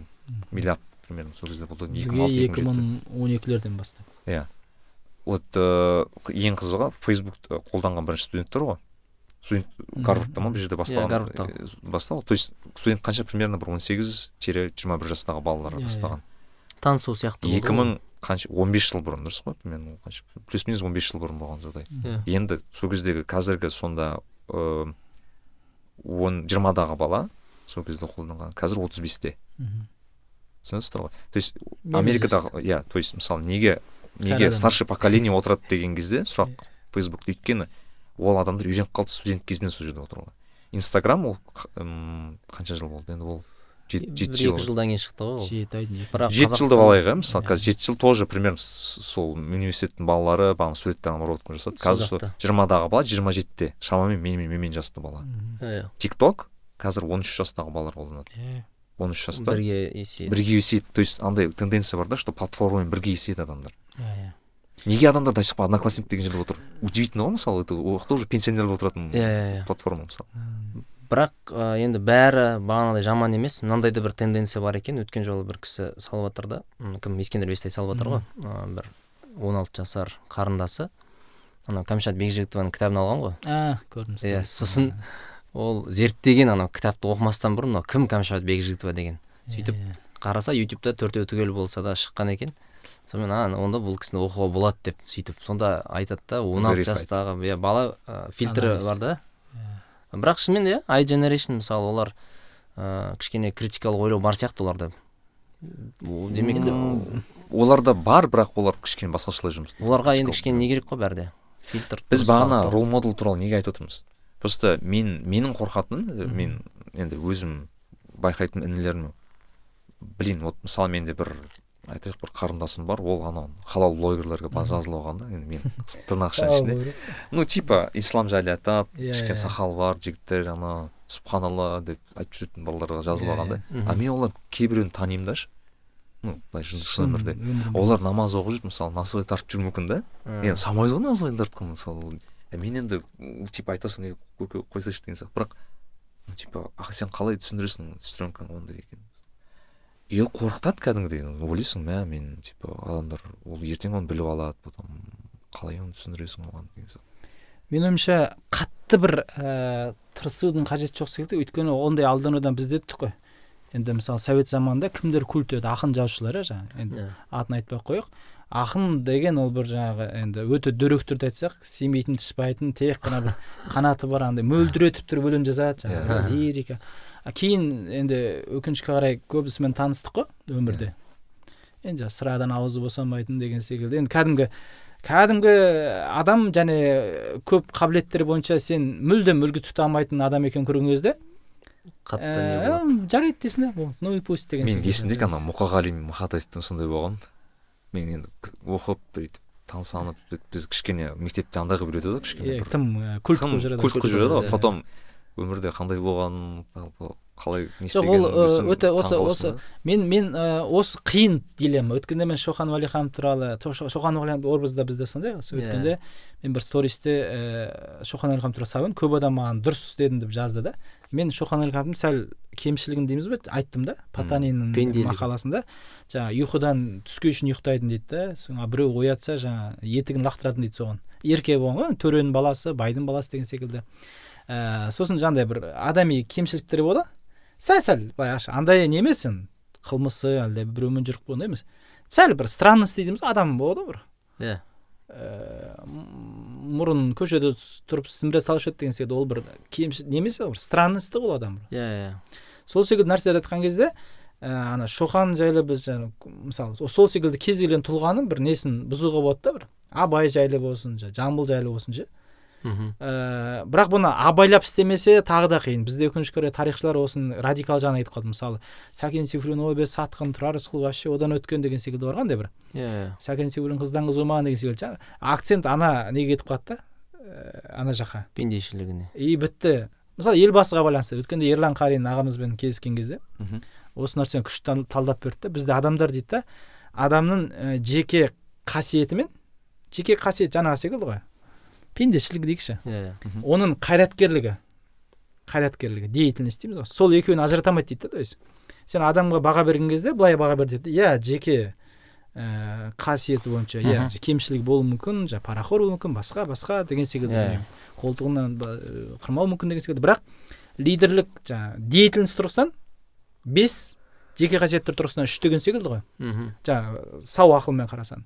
Бізде жаңағы бір ә, құмалақ бір қармай шіртеді деген секілді бір дүниесімен ананы араластырып енді сонда бүкіл еңбегін жоқ қылып жібереді өткенде роза рымбаеваға қатысты хейтерлік секілді да мысалы бір ауыз сөзі бітті бүкіл. Демек ә, сөйтіп халық халық өзінің бір иллюзиясының ыыы құрбаны болады. құрбаны болып тұр ғой өз Иә, иә. өзінің өз өз өз жасап тұр ғой ол образды. Иә ол мынандай болу керек ол оған сәйкес болмағандықтан болды біз сені бірақ ол ол образ қайдан келді сол? Кітаптан ә, кинодан? Аршавин айтпақшы ваши ожидания ваши проблемы Иә, деген сияқты ваши проблемы. Жоқ біз жаңа ғана дәке екеуміз осыны талдадық мысалы есіңізде біз ә, иә.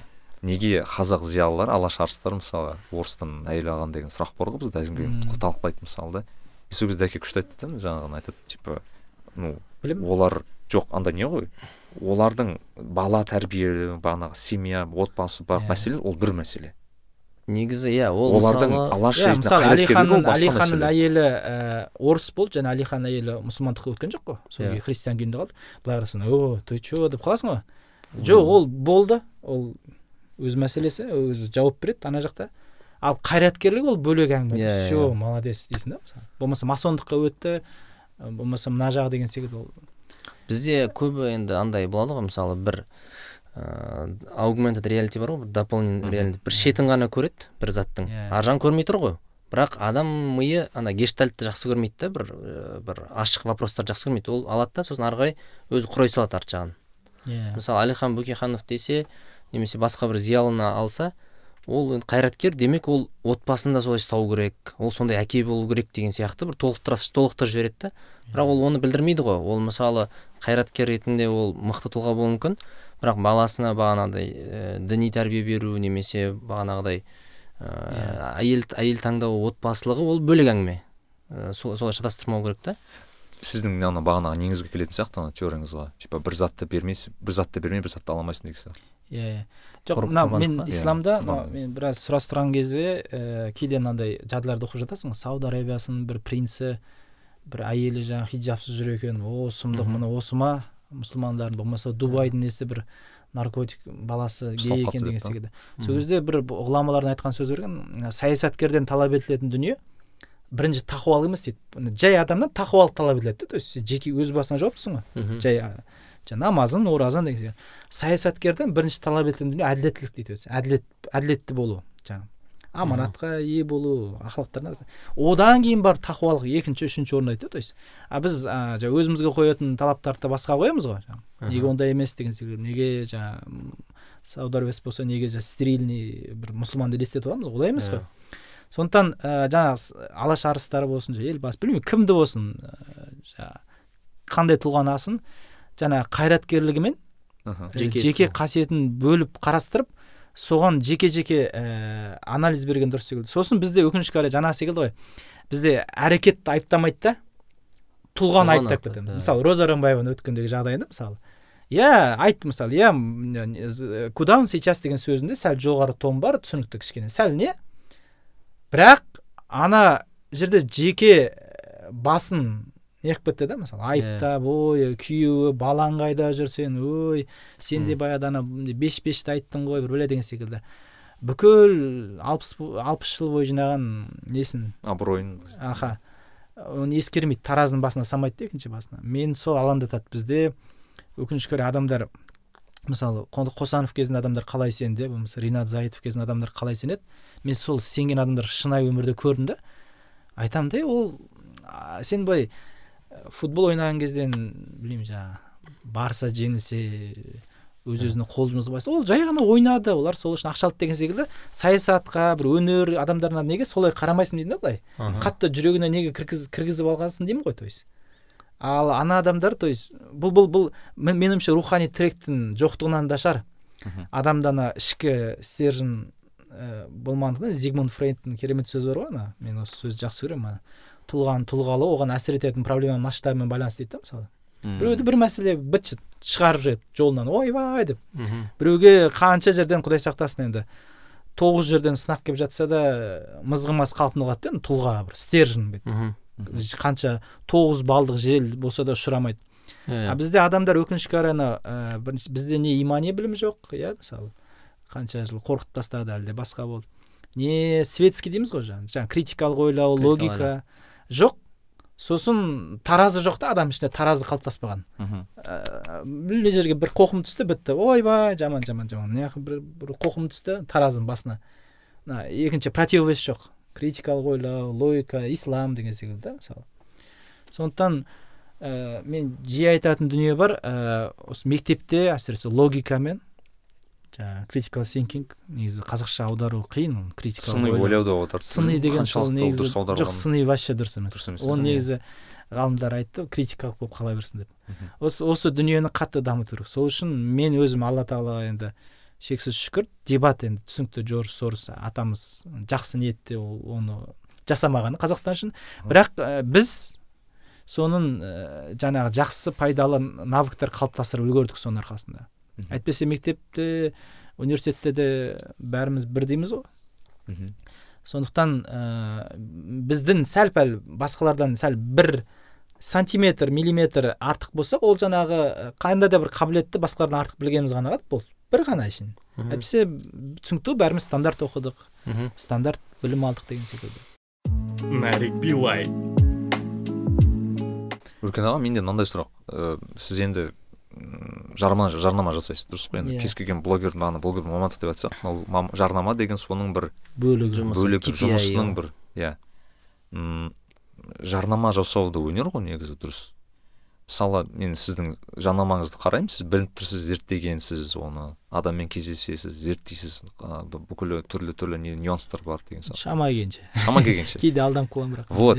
Мен, мен біз бағана осыны не істеп едік бағана ағылшын тілінде верификейшн деген бар да. Иә, яғни иә. сен қаншалықты дұрыс реклама беріп жатқан тоже отдельный сұрақ та мысалы өйткені сен құдай сақтасын. А есіңізде ме ана ломбардтармен болған Иә, не проблема мысалы? Адамдар просто бағана критикал синкинг болмағанда яғни нормальный зат деп бере салып ар жа- ар жағын зерттемеген деген сияқты. Мен ойлаймын да сіз мысалы өзіңізге қандай алгоритм жасап алдыңыз мысалы? Мен сізге келеді мысалы адам. Соны қалай тексересіз соны өзіңіз енді бағанағы секілді ол алгоритмдер әлі де біткен жоқ. Ол тағы да іздеу үстіндеміз біріншіден принциптер бар. Ол жаңағы ә, букмекерлік жаңағы м, алкоголь деген секілді жаңағы банкінің пайызы деген секілді. Өте бір қызық жағдайлар бар осы принциптерге байланысты мен мысалы осы соңғы бір жыл екі жыл банктерді жарнамаладық та бір жыл контракты болды. Мысалы сбербанк евразия деген секілді. Ә, биылдан бастап ә, биыл сбербанк шыққан. Мен мысалы жауап та берген жоқпын. Игнор қылдым да енді. Мгм. әйтпесе ол контрактты бір жылға қол қойылса түсінікті ол. Өте жақсы ақша да мысалы. Ә, то есть бұл жерде ана дінді шамаларың жеткенше ұстаңдар деген секілді. Бұл жерде принцип те бір өсіп отырады да. Мысалы мен бұрын банкті жарнамаласам айтатынмын талап. Тек қана ана карточка шығыпты бір сарыағашта бөлімшесі ашылыпты. Кэшбэк бар екен деген секілді ана болады ғой бір как бы пайдалы то есть харамға кірмейтіндей жағын теріп теріп жазатынмын. Иә. келіссеңдер осы деп келіспесеңдер онда деп. Бәрі келісетін. Мгм. а бұл жолы мен сондай как бы финансовый жағдайға жетті мен енді банктерге де жоқ дей алатындай жағдайға не қылдым да енді былайша айтқан кезде. Мгм. айналайын рахмет деген секілді. Басқа жақтан табамын деген секілді. Екінші дүние бұл жаңағы адам ә, жарнама берген кезде ә, мен әр саладан бір бір нені табуға тырысамын да якорды мысалы. Ағылшын тілінен болмаса сммнен деген секілді ғой бір мықтысын жарнамасын алып түсінікті. Қалғандары уже ананың фонында уже әлсіз көрінетін түсінікті. Ана экспертке қарағанда тәжірибесіз ана білімге мысалы қарағанда маркетинг болса қуаныш шонбай деген сияқты. Иә мысалы айталық. Мен үшін бір алгоритм осындай то есть сол саланың бір мықтысын ориентир ұстайсың одан төмен болса алмауға тырысады одан жоғары болса пожалуйста деген секілді. Сосын ә, уникальное торговое предложение дейміз ғой. Адамның ұсынысына қарайсың. Мысалы мен көп адамға ренжитінім ә, саған күні қарап тұрады ә, бірақ айтып отырған ұсынысы ешкімді еліктірмейді мысалы. Мысалы мың теңгеге ағылшын тілін үйретемін бір айда. Е оны елдің бәрі айтып жатыр ғой то есть не, не, ерекшелігі не деймін да то есть он алты күн үйретесің ба жылдам үйретесің ба ұзақ үйретесің ба шетелге үйретесің ондай нәрсе білмеймін дейді онда қалай? Ә, то есть ә, жарнама ол өнімнің бір көлеңкесі ғой. То есть м, өнімнен артық болып кете алмайды да жарнама ше мысалы. Иә, иә. өнім өзі мынандай қыртынбай ол жарнамасы ойбай деп кетсе ол өтірік та мысалы. Соны сәл ғана әсірелеп айту мүмкін бес процентке. Сонда сіздің ә, еңбегіңіз іріктеп алу біріншісі. Иә. сосын соған сәл реңк беру. Сонда анау иә, мықты иә. болып көрінеді. Иә иә. осындай. Енді ә, мен көп жағдайда сосын адаммен кездесуге тырысамын. Осы жолда алматыға келген мақсатым мысалы енді бұл жол үлгере алмайтын шығармын. Адаммен кездесіп жүзбе жүз сосын бірден емес болады ғой бірден кездесіп алмас. Бір ек, екінші шайымызды үшінші шайымызды алуға тырысамын да өйткені адам бір кездесуде тағы да толық біле алмайсың. Иә. Ха- жаңағы руынгым бір нәрсе деп мен де бір как будто әйел алатын секілді кейде сұрастырамын да адамдардан. Енді жаңағы болмаса сол сол сферадағы басқа адамдардан не сұраймын? Мына адам өзі қанша жылдан бері жүр мысалы? Айталық. Бүгін ғана мысалы бір қытаймен бизнес саласында жаңағы қастерлі ме? Инэкспорт деген сол мысалы сырымбек аға жақсы таниды екен да мысалы уже рекомендация бұл нормальный жігіт дейді. Сосын өмірбаянын қарасам ол не мысал болып кетті енді жарнама емес. Қытай халық университетін бітірген қытайда екі университет бітірген өзі мамандығы экономист. Соны қытайда ну қытай тілін біледі немесе қалай айтсақ мен верификация етсем сондай да то есть рекомендация. Шама жетсе ол жоқ болса жаңағы өзін тексеру. Ә, ал бізде ә, өкінішке қарай жаңа ә, жаңағы былтырғы ломбард тауын болсын ол әншілерді де бір жағынан түсінесің оларда көбіне жаңағы нелер бар ғой. Бір өзінен де жас бір балалар директор қылып қояды жаңағы ватсапқа жауап береді жаңағы оларда өкінішке қарай ондай верификация жоқ деп ойлаймын. Ал жалпы ол ә, жаңағы былтырғы финансовый пирамидалардың дауы өте қиын жағдай. Мен алла қаласа албания деген елге бара жатырмын иншалла бір екі аптадан соң. Сол албанияның тарихын оқып отырсам өткенде. Өзі онсыз да коммунистік режимнен шыққан шаршаған. Сол кезде тоқсан алтыншы жылы финансовый пирамидалардың бәрі не қылады да жарылып жаңағы пузырь болып. Сөйткен кезде халықтың жетпіс процентінің ақшасы жоғалып кетеді. Бір миллиард доллар адам бір миллиард доллар ақша жоқ шетелге кетіп қалады. Сонда халықтың жетпіс проценті кедей онсыз да. Одан әрі кедейленеді да то есть. енді ол кәдімгі тарихқа енген жағдай да кәдімгі тарих Иә. албан тарихын болды біздегі бір ә, алқакөл сұлама жаңағы отызыншы жылғы ашаршылық деген секілді албанияның тарихында тоқсан алтыншы жылғы кризис именно финансовый пирамидалардың бәрі лоп жаңағы жарылады да Иә. халықтың жетпіс процент ақшасы. Сонда ә, тағы да не себеп дейсің ғой тарих не үшін? Жаңағы халықтың білімсіздігі қиналып шыққан адам жаңағы соңғы үміт деп. мен кейде мен, мен мысалы кейде жарнаманы былай алма- ал, алмаймын мынандай себептен адамды көріп отырсын бүкіл үміті сенде да кәдімгі. Осы өркен жарнама істесе бір бүйтіп тұрады. Мен айтамын мына че то ниетің дұрыс емес деймін. Ей мен мен әшейін.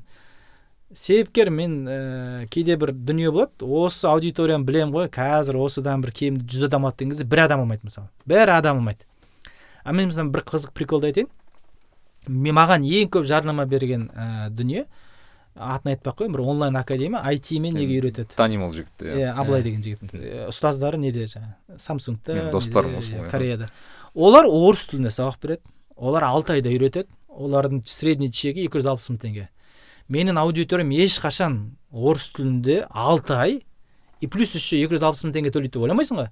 Бірақ менен уже сегіз тоғыз ба он рет па жарнама алды. Ең көп жарнама алған солар. Басқа ешкім жоқ. Қызық та то есть аудиторияны ешқашан біле алмайсың. Сондықтан жарнамаға келген кезде жаңағы біреу саған қатты бүйтіп тұрған кезде болады ғой ана соңғы ақшасын әкеліп «Э», деп тұрған кезде айтасың ей мынау айналайын керек жоқ не все яйца в одну корзину деген сияқты не қылады да ғой, сенімі тым қатты болып тұр да бағана секілді ғой. бағанағы жігіттер ә, жарнама көмектескен болып тұр ғой. Алған болып тұр ғой сіздің аудиторияңыз адамдар. Иә соны айтып отырмын ғой. Қызық болған кезде енді атын айтпай ақ қояйын миллионниктарға берген эффект болмаған мен өзім таң қаламын. Иә. Мен өйткені мен кейде бір жыным келеді бір орысша кітапты сап қоямын ғой. Өткенде болмаса орысша сөйлеймін адамдар. Сіздің сөзіңізді түсінбедік бұл кітаптың қазақ ей орыс тілі деген тіл бар ғой деймін да то есть қалай сен игнор жасайсың неге үйренбейсіңдер деймін ғой то есть мәселе россияны жек көреміз ғой. Иә иә. Тіл басқа ғой. Ә, ана как ол да сауатсыздықтың бір көрсеткіші шығар. Сондықтан ә, бар адамның үміті жалғыз сенде болып тұрса одан да қашу керек та. Бағана бағанағы әңгіме қысқасы. Иә. сіз ә, мысалы бір белгілі бір баға қойдыңыз ғой сторис пакетке. Оны өсірдіңіз. Ә, ол фильтр дедіңіз ғой. Оның Иә, әсері болды ма? сізге мысалы хабарласушылардың саны азайды ма? Сіз фильтр азайған жоқ.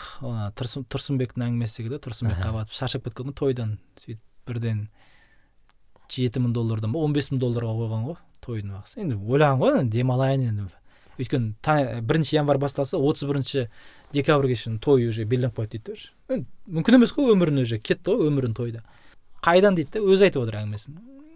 Тура сол заказ дейді сосын ә, не иә ә, өскен сізде де сондай болып тұр иә? Өскен. то есть ә, спрос ә, түспейді екен қызық иә мүмкін тағы да өсіретін шығарсыз? Оны мысалы әлішер елікбайдың мысалынан көрсек болады. Әр сторисі бес жүз мың теңге болса да күніге қанша жарнама салып жатыр бес адамдарды ойлайсың ғой қайдан ақша Иә, тауып жатыр оның соңғына дейін ешкім бармайды ау деп ойлайсың ғой және өте бір қызық принцип бар оны айтуға керек па мысалы әлішер ә, айтқан ұнайды. Кейде адамдар саған келіп тұрады да саудаласады. Мысалы менде осынша ақша бар шығарып берсе не болды сонша деген сияқты. Сол кезде әлішердің керемет сөзі бар да. Мысалы мен именно өркенге шығарғым келіп тұрса болады ғой именно әлішерге. Адам ол ешнәрседен тайынбайды дейді да сол ұсынған ақшасын береді. Болады ғой Иә. оған өркенде шығу маңызды болмаса әлішерде шығу маңызды да. Ал адамға жай ғана жарнама керек болса блогерде мен айтамын да сен ниетіңді түсініп тұрмын.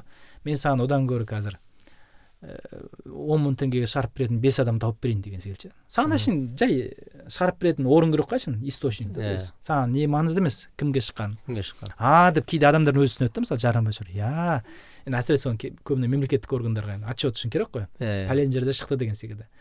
А дейді да мысалы. Саудаласпаса сен ол баға не үшін тұр? Именно сол саудаласпау үшін ғой то есть ол фильтр ғой. Иә иә. Сондықтан әлішердің бұл жерде принципін айтты. Да адам нақты сенен шығарғысы келсе ол шығарады да мысалы. Қанша болса да? Қанша болса да. Хоть он миллион қойсаң да.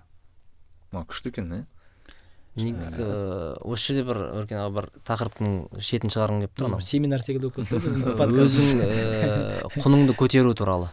Андай қолдан құныңды көтеру деген сияқты. Сіз келтірдіңіз ғой бір мысалдар белгілі Иә. бір ііі кәсіпкерлер бар бізде. Мысалы ыыы, ол ана бір жағынан ол недоступный бір жағынан. Иә қолжетімсіз. Бірақ та ке- бір жағынан қолжетімді. Яғни бір балансты ұстап тұрады да. Мысалы біздің бұрын біздің ағаларымыз болатын ыыы үйге келе бермейді да жиі. Не үшін үйге А. келмейсің десе мен қадірім кетіп қалады дейді да. Аптасына бір айына бір рет келеді. Өйткені ол айына бір рет келсе оған бешбармағын беріп тәтті жақсы тамағын Иә, жасап иә. жақсы күтіп алады ғой. Егер ол күніге келе берсе ол құны ондай болмайды да ол кәдімгі мысалы күнделікті тамақты жей береді сол сияқты. Ыыы жалпы осы қолдан ы, недоступный болу арқылы ы, әлеуметтік желіде мысалы өмірде де иә. өмірде де. Осы осы стратегияға қалай қарайсыз? Жалпы өзіңіздің бақылауыңыз қандай? Өте қиын сұрақ ә, Ә, мысалы сіз ә, бірақ қайшылық мысалы бір сөз қоса кетейін мысалы сіз бір жерге барсаңыз шымкентке барсаңыз ә, түркістанға өткен жолы жақсылап күтіп алдыңыз ғой мысалы осында Иә. боламын дедіңіз. Сізде проблема жоқ та ондай? Ана бір доступный жағымен. Сіз өте қолжетімді адамсыз да? Иә. Мысалы кездесе береді сізбен шығу оңай сізге. Ыыы ол бір жағынан сіздің мысалы хейтерлеріңіздің санын да азайтатын шығар. Өйткені сіз кәдімгі қарапайымсыз ұстап көруге болатын несі мүмкін. бірақ ыыы бағанағыдай бәлкім сіз қолжетімсізірек бір болсаңыз иә. тылсым кішкене бір. Тылсым болсаңыз одан да қызығырақ болар ма едіңіз? Иә, немесе өнімдеріңіздің құны одан сайын жоғарылататын ба едіңіз деген сияқты. Қалай ойлайсыз? Енді батыстың жаңағы кітаптарында нәрікпей тұратын батыста. Э, ол жақта жаңағы кітаптарында фильтрсіз қабылдасаң ә, ақпарат солай кетіп қалды ғой. Жаңағы тек қана успешный адамдармен аралас иә. Мысалы арана кір, кіргізіп жібере ма ана? Негатив энергиясы бар Иә. кедей жаңағы бір жолы болмаған бейшара бір класстасың білмеймін болады ғой бір. Однополчан кіріп кетіп энергияны енді бұзып жібермесін состояниені бұзып жібермесін. Ішкі Ага. халіңді үнемі ішкі халіңді жоғарыда ұста деген секілді ол бір жағынан қарасаң дұрыс бірақ ол исламның қағидаттарына қайшы келе ма деп қорқамын да мысалы жаңағы пайғамбар саллаллаху Кедейлермен тамақтанған, кедейлермен тамақтан деді міндетті түрде жаңағы міскіндерге қайсыр еді ғой субханалла ана ауызашарға шақырғанда тек ә, байлар шақырған Иә, байларды шақырма. Обязательно деген кедейлердің долясы пропорциясы болу керек пропорциямен. Байдың пропорциясы отызда қырық Мгм. деген секілді. Осы дүниемен қарасаң жаңағы адамдарға өзіңді расымен жаңағы қол жетімсіз қылу ә, жаңағы ре- не емес па деп тәкаппарлық дейміз ғой не ауыр күнә жаңағы кеудем соқтыққа алып келе ма деп қорқасың да жаңағы өз бағаны өзің көтеру. Ислами астармен ойласаң. Бірақ бірақ ә, мен өз бағаны көтеру деген жерде ә, бір айла ретінде мен құптаймын. Мысалы бейбіт әлібеков бұны өз сұхбатында айтты кажется әлде маған айтты ма? Жарайды енді бейбіт әлібеков ренжімес мысалы ақшам жоқ болып жүрген алғаш бір танлайнып жүрген кезде маған не келді? Бір ескі бір роллс ройс сатып алдым дейді бір ескі бірақ бірақ роллс ройс дейді да ол. Сатып алған рас ескі екені рас бірақ роллс ройс сол арқылы анау потенциальный жаңағы маған назар аударатын адамдардың назарын аудардым дейді да енді.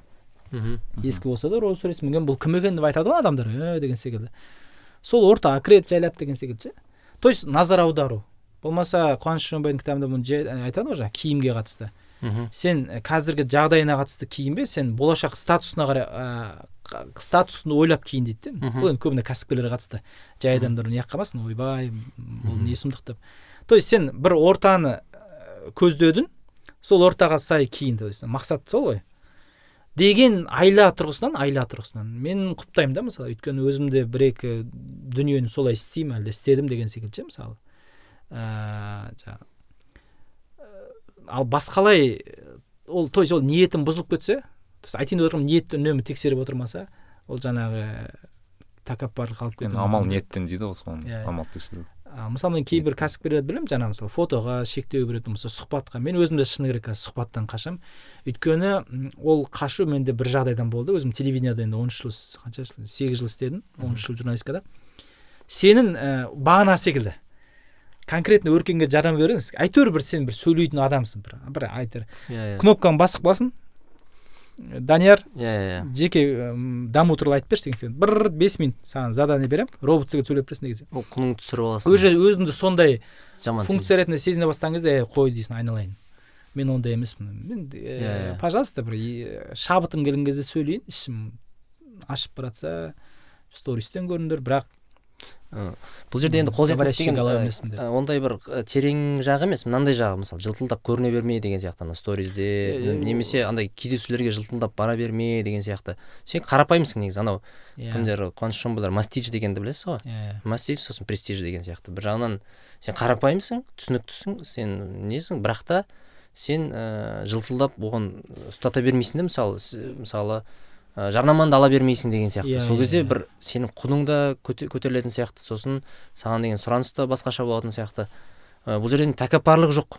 Тәкаппарлық жоқ. тәкаппарлықсыз бірақ та өзің ә, енді мысалы уақытым жоқ деген, деген сияқты мысалы. Иә иә саған не жоқ деп сияқты. айтамын деген секілді. Иә, жоқ деп айтады ғой мысалы кім сделкаларда айтады ғой үш рет жоқ деп айт деп. Сол кезде сенің бағанағы ә, ненің де өнімің де құны кете береді. Сырымбек ағаның бір несі бар ғой бір айтатыны. Бірақ сырымбек аға оны былай не, балансты жақсы ұстай біледі да ол өзінің білесіз шығарсыз анау кәсіпкерлермен ресейден келеді да.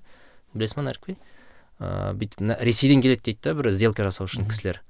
Сосын сырымбек аға айтады екен ә, мен уақытым жоқ ә, бағана сату бөлімінің басшысымен кездес кездес дейді да сосын сату бөлімінің ба- басшысымен кездеседі ресейден келген бағана кәсіпкер. Оған да тоймайды одан ә, жоғарырақ нәрселер керек болады. Сосын сырымбек аға айтады сырымбек айтады мен әлі бос емеспін бар анау менің орынбасарыммен сөйлес дейді. Иә. Сөйтіп ә, анау орынбасарымен сөйлеседі. Енді анау ресейден келіп тұр ғой енді. Қазір мынаны сындырып тастаймын нетіп тастаймын деп. Бірақ енді қайтып кетсе де болмайды ғой. бір нәтиже үшін келіп тұр ғой. Содан кейін барып сосын бірнеше адамнан кейін барып өзім келеді келемін дейді да сосын айтамын дейді мен қазір жарты сағатым бар давай келісейік деген сияқты. Уже дух сынып тұр дейді да анау.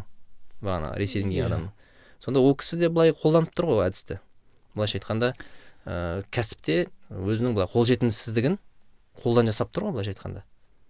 Иә, ол иә. қолжетімсіз және оның құны жоғары да көрдіңіз құны ба жоғары. Затын да сатып жібереді оның бір несі бар да мысы бар да. А бірақ қарапайым халыққа келген кезде мысалы тұсауымды кесіп бер анау мынау кітаптың ә, дүкеннің ашылуына кел десе ол кісі отказсыз келеді да. Ә, бір баланс бар да байқадыңыз ба? Подкастқа келе ма десең ладно. Ол ыыы ол жағынан өте қатты құптаймын. Өйткені м, мен мысалы бір нәрсені айтайын сәл осы тақырыпқа қатысты бірақ ол өте ол есіме түсті. Қазір көп адам жаңағы қарыз сұрағымен бірге не деп сұрайды жастар әсіресе. Ақыл беріңізші. Иә иә. Мен астанаға келіп тұрмын. Ағатай бес минут уақытыңызды бөліңізші бір. Он ақ минут уақытыңызды бер ей қазір мен такси ұстап барамын иә жаңағы сен же шай ішеміз бір сағат уақытымыз кетеді да сен. Аудиомен хотя бы жазшы деймін ғой может күйіп бара жатқан іс шығар білмейміз ғой құдай Иә. сақтасын бір күйіп аудиомен жазсам жаңағы білмеймін. Оқуымды оқығым келмейді екінші курста жүрмін. Тастаймын ба тастамаймын ба?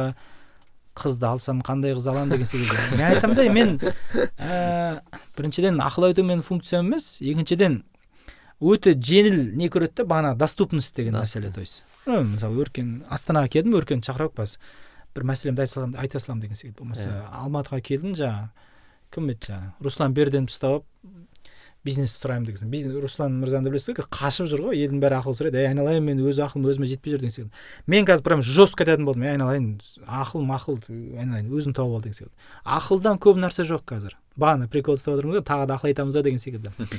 Ақылдан көп нәрсе жоқ информациядан көп нәрсе жоқ. Айналайын мен мысалы кейде былай айтамын. Бір нәрсе сұрайын деп жатады да мен айтамын. Сен бірінші хотя бы мен соңғы он постымды оқыдың ба хотя бы соңғы үш күнгі сторисімді көрдің ба вообще сұрағалы тұрған адам мен ба мен емес па өйткені менен бір психологтың ақылын сұрайды да мысалы. Иә. әйеліммен ажырасып қалып жатырмын әкеммен ә, күніге ұрысамын намаз бастаймын бастаймын айналайын сен вообще по адресу келіп тұрсың ба деген секілді маған осы жылы ана шамиль хазрат бар ғой шамиль несін подходын айтты. Ол кісі енді кітап жазады ғой. Сол кісіге де жазады видимо. Ол кісінің Мына жауап күшті мына кітабымды оқы сол жерде жауап бар дейді ол кісі ол барлық жерде ә, ұялмайды прода- продажникке Жоқ, ол кісінікі айтатын ғой жазды ғой еңбек иә иә жоқ күшті не айтады да мына осы там через два дня мой вебинар там ол ана скриндер дайындап қойған сияқты иә иә скрипттер Скри- скриптер. Скрипт. маған да солай жазатындар бар ғой қандай кітап оқуға кеңес бересіз деген менде бәрі тұр да анау лайфхактар деген. Болды менде қазір бір жауап лайфхактар. Анау қай жерден сатып алуға болады қандай номерге хабарласу керек дегенді андай быстрый неге жасап қойған да. Иә иә. Жазады жібере саласың мен мысалы кеңес жауап бермеймін мысалы кітап оқу деген кезде. Өйткені әр адамның талғамы сол ғой. тамақ ішу деген секілді мысалы қандай маған дәрі ішуге кеңес ә, кәріс асханасында аш ұнайды маған. Маған ше мысалы мен менен кеңес сұрайтындарға айтамын. Сен во первых мен, мысалы айт ладно мен саған кеңесімді айтамын. Бір сен сеніп алсаң мен саған бір ойыма бірінші келген идеяны айта салсам сен сеніп кетесің ғой соған деймін да мысалы. Өйткені сен мені моральный авторитет көріп тұрсың егер сұрап тұрсың жоқ жоқ жоқ, ол жерде иә ондайлар да сосын әшейін сұрау үшін сұрайтындар бар. Мысалы маған хат келуі мүмкін да өркен аға ассалаумағалейкум деп келеді да маған мысалы иә. Ол деген мысалы өркен ағаға сырымбек аға бәріне бір нені алып шаблонды өзгертіп шаблонды өзгертуді ұмытып кетіп былай жібере мен, салған ғой мен мынандайға жауап бермеймін кейде хаттарға. Сәлеметсіз бе аға дейді да. Мен атым жоқ а деймін да мен. Бұл демек бұл ағаны бір шаблон ғой. Аға аға деген бәріне жіберген ғой значит ағалардың бәріне. То есть ол без без әйтеуір біреу жауап береді деген ойда түсінікті. Мен айтамын онда игнор жіберемін то есть. Сен хотя бы өркен аға деп жазсаң то есть түсініп тұрсың ба сен хотя бы персонализация болсын деген иә. ә, сұрақты лайықтадың ба деген секілді ғой. Өкінішке орай ол да жаңағы адамдардың тез жауап алу тез жетістікке жету бір жаңағы бір кітап оқып бай болып кетейін бір бір бір кәсіп істеп миллионер болып кетейін деген секілді. Нарик билай. Вот менде өркен аға мынандай сіздерге вот екеуіңізге де сұрақ? Эм, қазір курстар көп кетті да? Иә. Маған мысалы келіп мен программистпін да мен вообще блогер емеспін вообще еуропада тұрамын маған жазады аға курс бар ма сізде? Маған курс беріңізші дейді да. Мхм. Айтамын сен жынсың ба? Барды курсерден курс ал деймін жоқ аға маған сізден керек дейді да.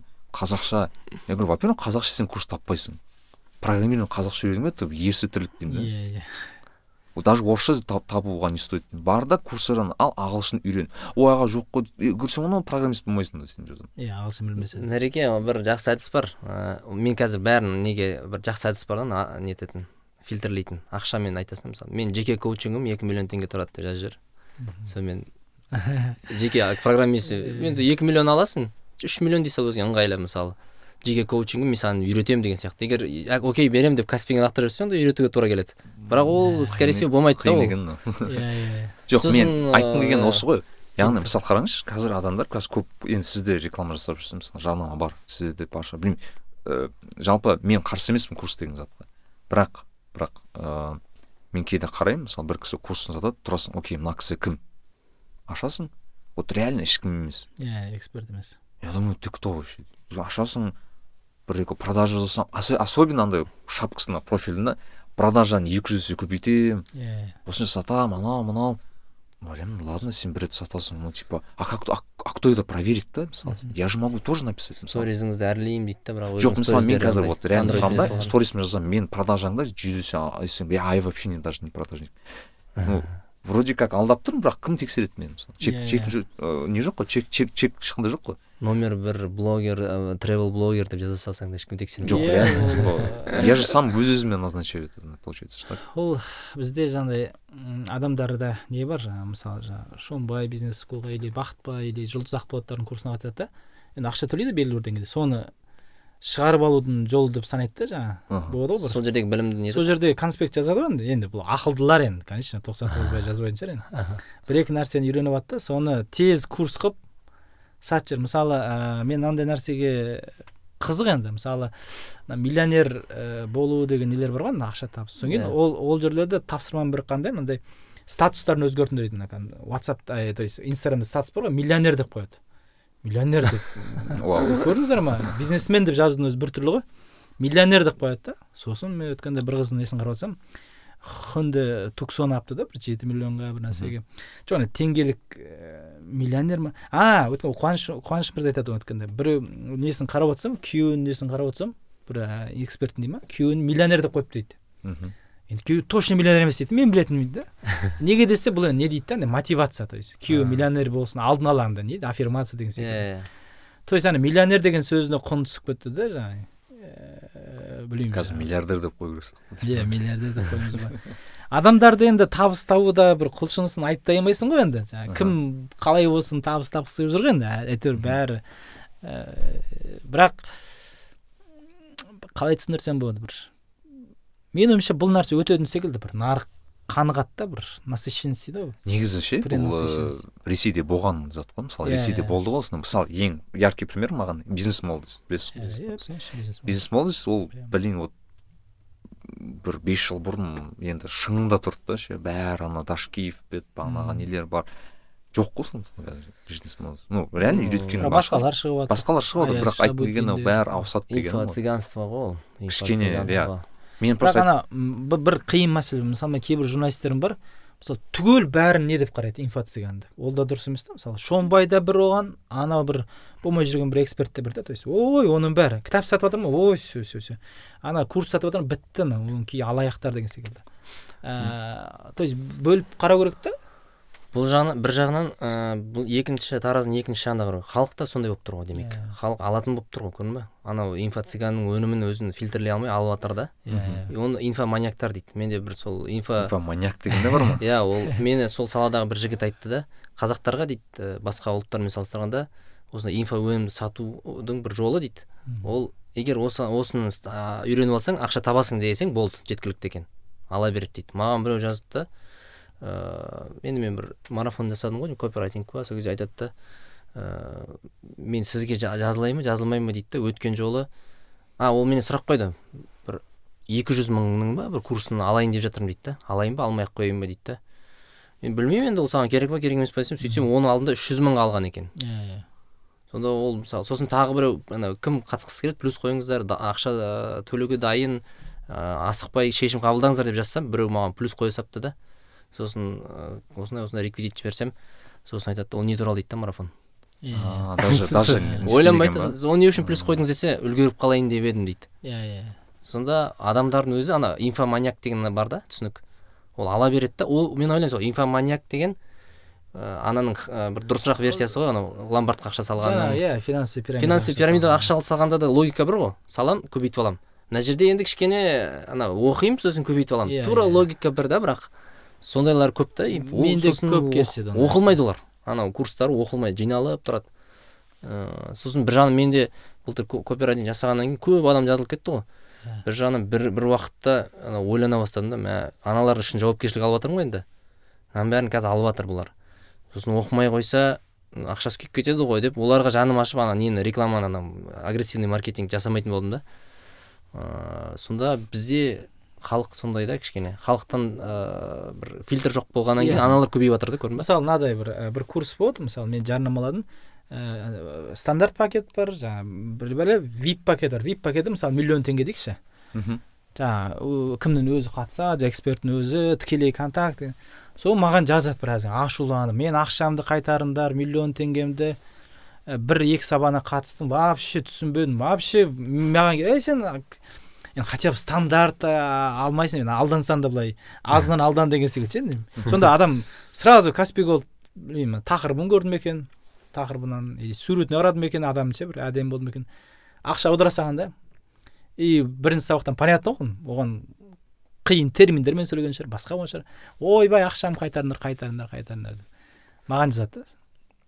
Енді сіз кішкене қарамайсыз ба түсіндіңіз ба қайда бара десең жоқ ничего не знаю қайда сонда мен мысалы ойландым да кезде өркен аға мысалы ә, маған ә, мен мысалы курс жайлы ойлаған кезде мысалы дәке екеуміз ә, асылзат деген бір кісінің керемет ол кісімен подкаст жасағанмын даже ә, скорочтениеге қатыстық ол кезде онлайн емес офлайн еді ғой. офлайн кәдімгідей 16 жыл. барып Иә. он алтыншы жылы бардық екеуміз и результат көрдік иә есімде болса мен бір андай болатын типа екі жүз отыз ма ыыы, не минутына екі жүз отыз сөз сө- оқитын Иә. бітіргенде жеті жүз елумен бітірдім ба сондай болды да. Техникасын үйретті маған ұнады. Потом дәке сіз кажется неге бардыңыз? Майнмапқа бардық дәке отдельно. Только дәке маған үйретіп жүрді потом. Жалпы ол скилл да кәдімгі навык. Мен әлі күнге дейін қолданамын маған қатты көмектеседі иә то есть маған мен оны көрдім бірақ ол кісі мен түсінгенім бойынша ондай прям агрессивный маркет ол чисто оффлайндағы кісі кішкене мен байқасам. Иә иә бір ұнайтыны да ол кісі былайша айтқанда андай а, не деп айтсам аналоговый бар ғой анау не сияқты да короче сондай кісі да үйретсем тек көзбе көз үйретемін. Типа онлайнға сенбейді. Иә. Мен мен сене ме білмеймін қазір қалай жұмыс істеп жүргенін бірақ бір ұнаған ол кісі маған кәдімгідей скилл үйретті. То есть ол кісі айтқан жоқ сен мен сенің продажыңды өсіремін. Мен сенің бір нәрсең копирайтинг текст мықты болады. Жоқ олайды тез просто тез оқисың и все ары қарай қалай қолданасың өзің білесің керек па керек емес па иә. И так далее. Самое мысалы. Енді иә. Ол енді ол кезде ол инфобизнес енді дамып жатқан кездер еді ғой. орыс тілінде болды ғой бізде. Мхм. Енді қазір мен бір жағынан қазір шығып жатыр ғой анау миллионер анау мынау деп ше. О қуанамын енді бір қазақтар байып жатыр дегенге. Бірақ та ол басқа қазақтың ақшасын алып жатыр ғой. Иә иә. Біреудің ақшасын алып біреу біреудің ақшасын алып жатыр да. Енді ол ұрлап жатқан жоқ қой. Адал еңбегімен дұрыс өнім оның ниеті дұрыс шығар. Халыққа көмектесемін деген. Бірақ анау халықты сатып алып жатқан инфоманьяктарды ойласаң жаның ашиды да мысалы. Ә, бұндай сосын сосын мен кішкене мынау инфобизнестен кішкене сондай ойлардан кейін ә, кішкене алшақтай бастадым. Сосын бірақ Иә, қазіргі иә. қуаныш шонбайлардың мынандай несіне ә, құптаймын да мысалы гарантия береді олар? Иә иә. И сосын көрінген адамды ала бермейді олар андай фильтрмен фильтрмен иә, тестпен тестпен таңдап алады да адамдарды. Сосын иә. туп ақша табу емес те мақсат кішкене нелері өзгертті да бағыттарын пайда адамдарға көмек результатқа жұмыс істейді да жүз пайыз нәтиже береді. Егер бере алмаса ақшасын қайтарып береді деген сияқты. Ештеңе жоғалтпайды да. Бірақ ә, көрінген адамды да алмайды да оған Иә, курсқа. сосын жаңа мен өзім ә, басында бізді жарнамастаған кезде жаңа жарнама берушінің несімен жүре бердік қой айтқанымен. Қазір мысалы мен ә, мынадай бір жалған жарнама деген мысалы орын саны шектеулі деген. Иә иә. Ол көбісінде стандарт нәрсе енді адамды асықтыру үшін триггер ғой енді қазір орын саны шектеулі жүз ақ орын қалды деген көбіне өтірік қой ол түсінікті Иә. жүз орын емес жүз бір болса сыймайсың деп конечно бермейді ғой ақшасы болып тұрса. Сосын ондайды алып тастайтын болдым мысалы маған талап етсе де айтамын жоқ мынау болмайды. Болмаса мынандай нәрсеге абай болу керек екен да енді өзіме де насихат ретінде айтып отырмын. Мысалы құны елу мың теңгелік дүние бірақ бір тоқсан пайыз скидкамен қазір он мың білмеймін бес мың теңгеге бергелі тұрмын деген секілді енді. Иә. Құнын мысалы бір курстың құнын болмаса білімнің құнын зорайтып көрсетеді да бір. Айталық бес жүз мың теңгенің білімін қазір бір бар жоғы бес мың теңге беріп жатыр осы деген секілді болады бір. Сен манипуляция жасап тұрсың енді психологиялық тұрғыда. Иә ол былай ә, күмәнді іс болуы мүмкін иә дін жағынан басқа жағынан болсын. Иә анық алдау емес. Анық неде емес. Бірақ бір күмән бар да бұл жерде. Иә. мысалы бұл жерде сен адамды бір товар емес қой сен оны изначально деп есептемейсің мысалы егер бір адам келіп маған иә, Air сен Maxты өзің- сатамын десе мен өйткені ма- на Air Maxтың шын бағасын білемін. Иә, қанша тұратынын а курс это же ну типа ұстайтын зат емес қой мен білмеймін қанша курс тұратынын реально. Әр адам ә, енді бұл жерде инфопродюсерлер есептейді ғой жаңағы кеткен енді былай иә. енді ол жақсы не болса түсінікті жаңағы кеткен шығын свет монтажын несі деген секілді табатын табысы маржа болады ғой маржа ә, қосылады ғой отыз процент инфобизнесте менің ойымша отыз қырық процент ау енді мороженыйдың бизнесіндегі секілді. Ал көп адам жаңағы өзінің комфорт бағаны қоя салады ғой енді былай мысалы үш жүз мың теңге болмаса жаңағы оқыған кітаптардың санын өлшейді да мысалы құртқан уақыт деген секілді то есть ол абстрактный нәрсе ғой Мгм. енді тағы да бұл жерде зиян шегетін зиян шегетін деп айтамыз ба егер адам өзі сондай болса жаңағы инфоманьяк деген секілді ше шынымен ә, мен сізбен подкастта да айтқан баяғыда өзі әр әр қауым өзінің бір несін жасап алады екен пірін ше мысалы Иә, иә. Байз- байзақова мысалында айтқанмын байзақова ренжімейтін шығар бірақ адамдар бір қыз шешіндіргізсе ол шешінбеймін десе де шешіндіріп алады дейді өйткені ол адам шешінген бір, бір идолды жаңағы пұтты жасап алады да бір. Элитаның өзінің пұты бар ә, тобырдың өзінің пұты бар бір ортасындағы орта таптың өзінің пұты бар деген секілді. Сол секілді ә, қандай жынды қандай сауатсыз болса да ол адам аудиториясы табылады екен осы әлеуметтік желіде. Мен соған таң қаламын ол әлеуметтік желінің феномені. Мгм. сен қандай тупой сауатсыз надан мишель болсаң да сен курсыңды алатын или курс деген бұл жерде образный сөз. Сен сөзін тыңдайтын дейікші сен сөзін тыңдап ақылыңды алатын сен ақымақ болсаң да Иә, аудитория табылады екен да то есть. Бұл әлеуметтік желінің жаман жерде жақсы жерде сол да то есть. Сондықтан бұл істі ә, біз енді советтік цензорлар цензорлар секілді сөйлеп отырмыз ғой. Тоқтату адамдарға ей мынау жақсы мынау жаман бағана секілді ғой енді. Мына сен блогер емессің ей тоқта сен соткаңды өшір деп айта алмайсың ғой. Сондықтан қазір кеткен дүние қазір кеткен жарайды енді. Бұдан да жаман болмас үшін ол жаңағы мектеп бала шағамыздың тәрбиесі деп қана ойлаймын. Өте конечно банальный сөз но кішкене өз басымен ойлануды үйрету керек сияқты. Критикалық осы соған келіп тіреледі бәрі. Нарик билай мен бар ғой мен наблюдение айтайыншы өзім енді главное айтып отырсыз за- европада тұратын әркби деп. Короче мен мынандай затты байқадым ыыы енді кішкене басқа тема.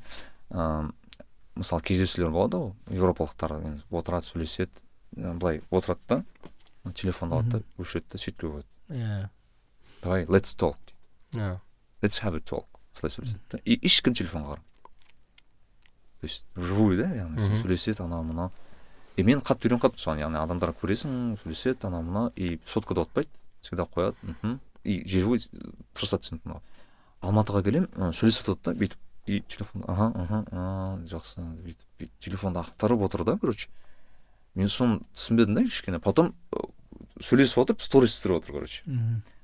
сторис түсіріп отыр мен а мен сөйлеп отырмын мен кәдімгі шынайы сөйлеп отырмын а адам сөйлеп сторис түсіріп отыр. Мен соны айтамын типа это не, не үшін деген сияқты ну менің аудиториям көрсін. Аудиторияңа менің менің не қажетім бар?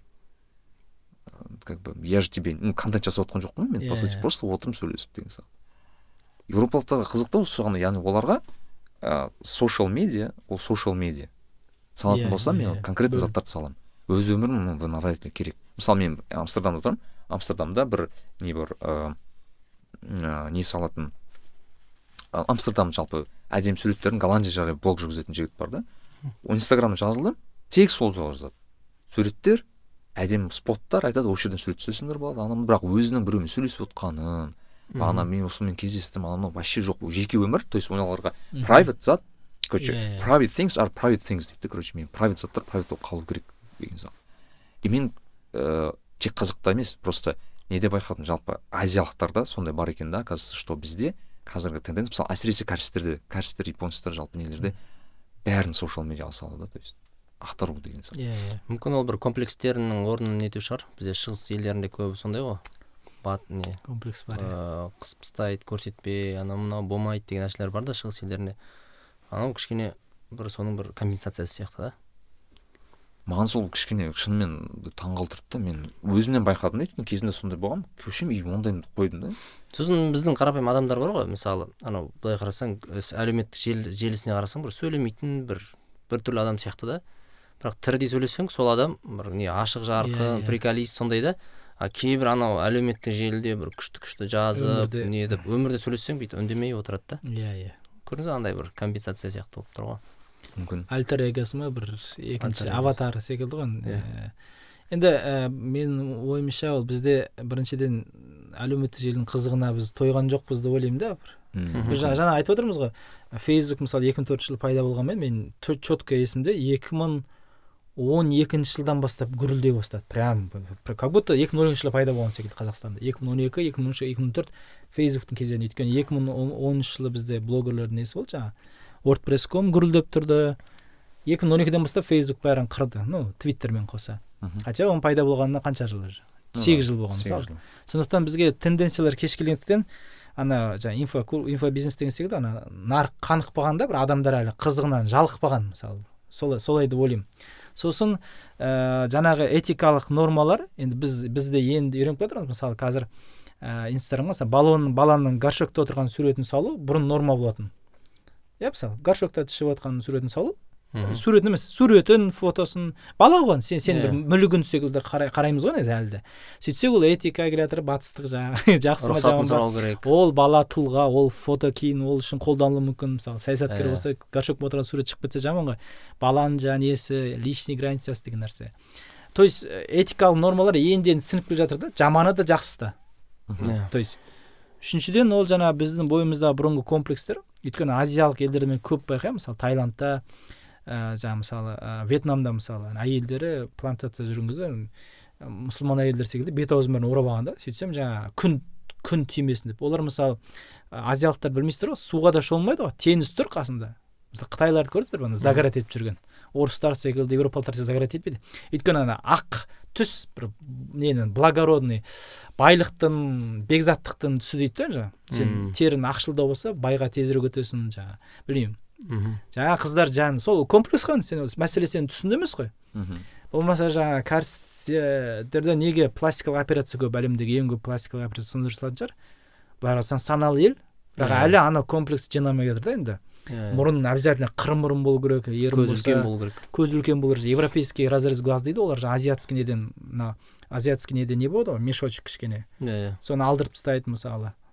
Мысалы иранда болған кезде ең қатты популярный ә, операция ринопластика мұрынды түзейді. Кішкене мұрындар мынандай Иә, иә. дөңкиіп қалған еркек мұрын секілді әйелдердің бәрі мұрындар дәкемен жүреді. Ватамен ше. Мхм. Бәрі операциядан шыққан. Сонда ойлайсың енді сен ол ұлттық ерекшелігің ғой мұрын жаңағы қоңқиса да терің қара болса да иә? То есть ол комплекс ұстайтын нәрсе емес қой европалықтар үшін. Бірақ азиялықтар да жаңағы иран байқаған таиланд корея вьетнам корея. Ә, мысалы жапонияда мысалы фарфоровый кожа деген эталон бар да оларда? Сенің кожаң жаңағы аппақ болу керек жаңағы. иә. неестественно аппақ болу керек. Табиғи емес аппақ. Сол үшін олардың ана косметикасы бізге келмейді әйелдерімізге. Олар слишком неғып жүреді. Отбелить жүреді де бір. Мгм. бір не секілді. А европалықтардан байқаймын қызық осы жағынан. Иә иә сондай. Вроде бы отырықшы көшпенді емес вроде бы олар керісінше андай неге келе жатқан сияқты. Шынайылық натуральность. Мен- қолтықтың жүнін алмайды деген сияқты. бар ол да слишком бюстгальтерге мио деген секілді ма бір? Жоқ мені мен- бағанағы красота дейді ғой әдемілік жайлы айта аламын да мысалы әсемдік әйелдердің жалпы. Мысалы мен нені байқадым мысалы европалықтарға әйелдерге қатысты айта аламын да мысалы бір кісі келе жатса ол кісі қыз мен европада почти макияж жасайтын қыз көрмеймін. Иә иә вот қызық. Әтір сеппейді вообще? Әтір сеппейді ы, не қоймайды ол обычный киім жүгіріп отырады и мен таңқалатынмын. Неге бұлар боянбайды? Потом көзім үйреніп кетті маған. Мгм. көзім үйренді да что адамдар боянбайды. Наоборот боянған адамды көрген кезде мен уже а и в основном боянатын как раз азиаттар болатын. Иә. азиаттар боянады. Мысалы қазақтың қыздары боянуы мүмкін немесе там кәрістің қыздары боянуы мүмкін. И олар уже уже көзің де бүйтіп қалады да саған вау зачем? Ол бізде мәдениет деңгейіне көтерілді ғой көшеге шығу бір әдемі көйлек кию бір Иә, бигекше иә, иә, киіп тоқылдатып жан жағын қаратып жүру мысалы. Сол жағынан қызық та. қызық енді ол бір бір жақты жаман дей алмайсың да бір. Иә. Болады ғой жүз пайыз жаман деп айта алмайсың да оны. Европанікі де жүз пайыз жақсы деп айта алмайсың бір. Анау ы, европада мындай бір қызық бар түріктерді түрік жігіттерді ең оңай определить шашын. бет шаштары былай кетеді. Четкий киініп алған. Енді әтірді прям құяды үстіне и прям вот альфа самец сияқты жүреді да көшеде жүрген кезде ше ну айтасың ну явно түрік ну дейсің еще даже түріктің парикмахеріне барасың ғой айтасың маған шашымды алып бер десең сен шашыңды алады да и шыққан кезде өзің түрік сезініп қаласың да кәдімгі. Түрік сияқты алып береді да сен Иә. өзің шашыңды гель жағып бүйтіп сосын ұлттық ерекшелік ау деп ойлаймын мен. Мүмкін. Ол бір ә, жаман нәрсе деп те ойлаймын. Жаңағы түркияның жай бар ғой жаңағы қырлы шалбар киіп алып бүйтіп бүйтіп жүру бір серілік не бар да.